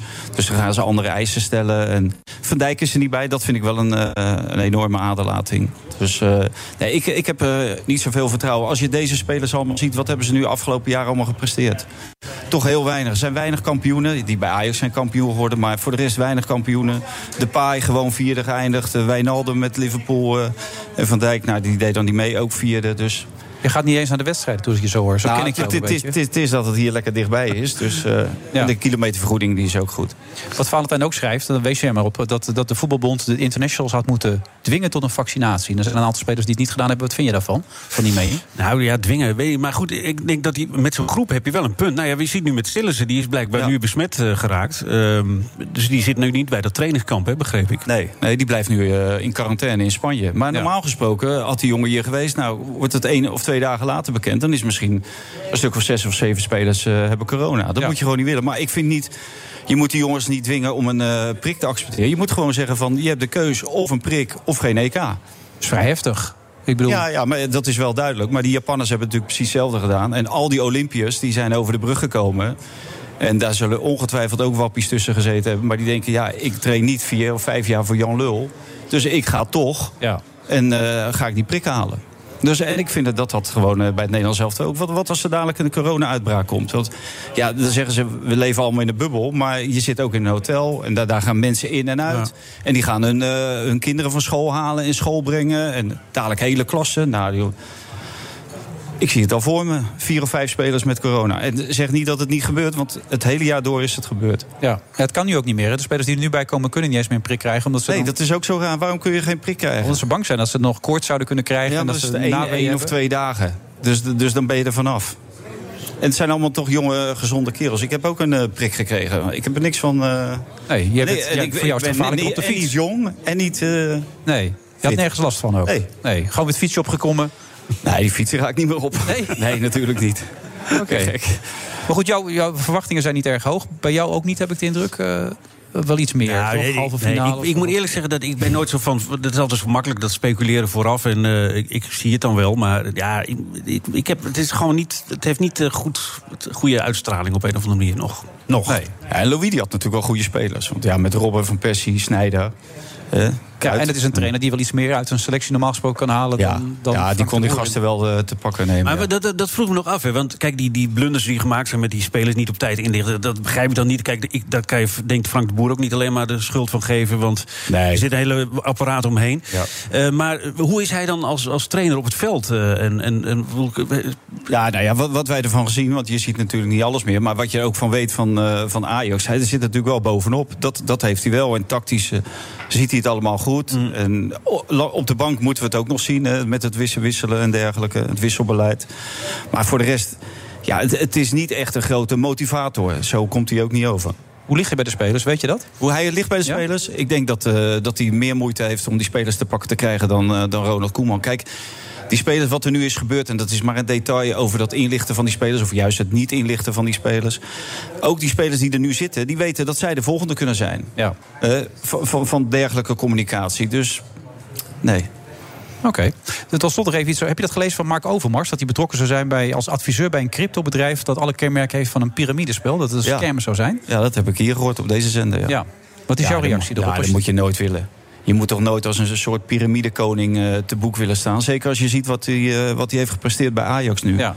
En, en als speler heeft hij het heel goed gedaan. Maar dit, dit, dit is, heeft alles weg van een piramidespel. En als ik dan zie de, de bedreigingen die die eh, verslaggever... of de, de, de man van eh, BNR... eh, die, die, die bedreigingen die er naar hem zijn geuit... ja, Dan, dan moet je gewoon niet bij willen horen. Nee, bij een reactie van Ajax werd gezegd... het is een privézaak. Maar bij een Ja, beursgenoteerd maar privé. bedrijf met de directeur...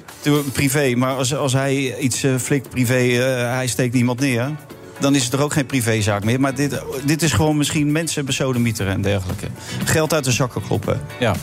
Moet je niet willen. Nee. Ook Ajax niet. Eh, Ook Lee Meijer, dat is, dat is eh, BlackRock geloof ik. Een hele grote man geweest op het financiële. Dus eh, die moet gewoon zeggen, Mark... eh, blijf jij nou beperken tot eh, kopen en verkopen van spelers?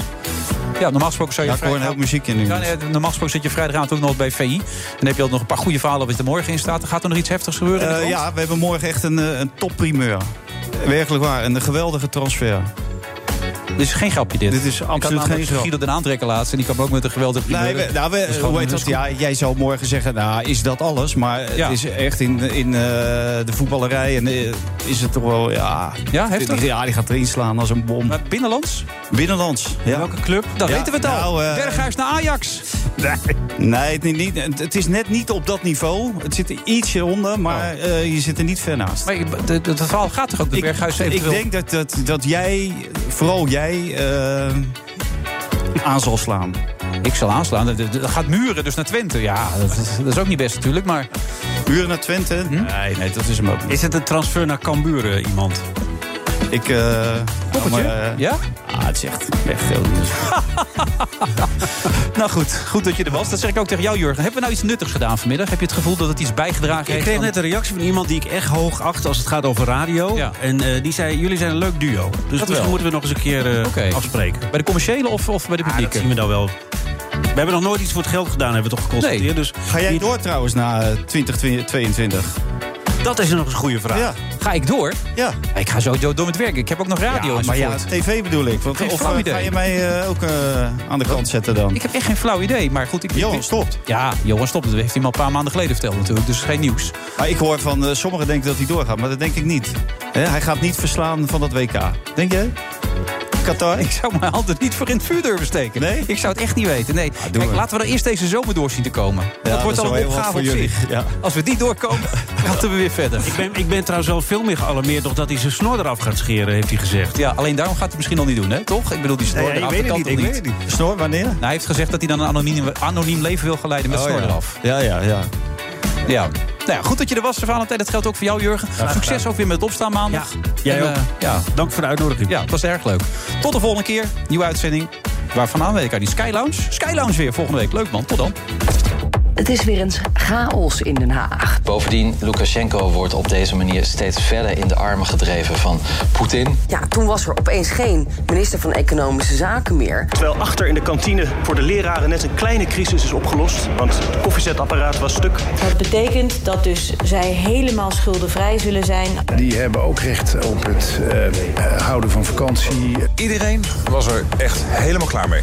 This is an attack on democracy. Democracy. We zijn nu al anderhalf jaar en langer aan het waarschuwen. Dit is ongekend, ongehoord. Dit gaat alle perken buiten. Ja, ik, ik moet zeggen, ik moet heel eerlijk bekennen... ik heb nog nooit een aflevering van Friends gezien. Wauw. Maar de overheid moet een economie in de startblokken op een gegeven moment ook de ruimte geven. Want stop je te snel met steunmaatregelen, dan sneuvelen wellicht gezonde bedrijven. We vinden dat sancties moeten worden opgelegd. We zijn er echt nog niet, maar de aantallen die lopen echt terug. En dat is echt uh, ja, dat is geweldig nieuws. We gaan vanavond horen dat uh, stap 3 in het openingsplan uh, van het kabinet doorgaat. En daar staat gewoon heel, heel helder in, geen staatssteun als je bonus uitkeert of andersom. dus ja, je moet keuzes maken uiteindelijk. En dat is niet leuk. Ja, ik, ik noem dat een foefje. Om vooralsnog het Wit-Russische luchtruim te vermijden. Het is nog maar de vraag of Wit-Rusland klaar is met ons. Maar ja, dan stap je in het vliegtuig en dan word je natuurlijk doodgegooid met uh, hele dure blikjes cola en parfum. Nou, daar heb ik al gedacht over. Maar uh, welke aard en waar het allemaal moet landen, dat weet ik niet. Ja, we hebben een goed gesprek met uh, alle partijen en natuurlijk bijpraten over de inhoud. Wij hebben nu, wat mij betreft, een heel constructief gesprek gehad. Nou, wat we zien is dat eigenlijk alle cijfers de goede kant op zijn gegaan. So get out there and get your vaccine. Bij BNR ben je altijd als eerste op de hoogte van het laatste nieuws. Luister dagelijks live via internet. Jelle Maasbach. Wesley Weerts. We zijn er voor je met het leukste, opvallendste, maar natuurlijk ook het belangrijkste nieuws. Tijdens de presentatie van die halfjaarcijfers toen die beurskoers in elkaar kukkelde. BNR Beurs. Voor de slimme belegger. Blijf scherp en mis niets.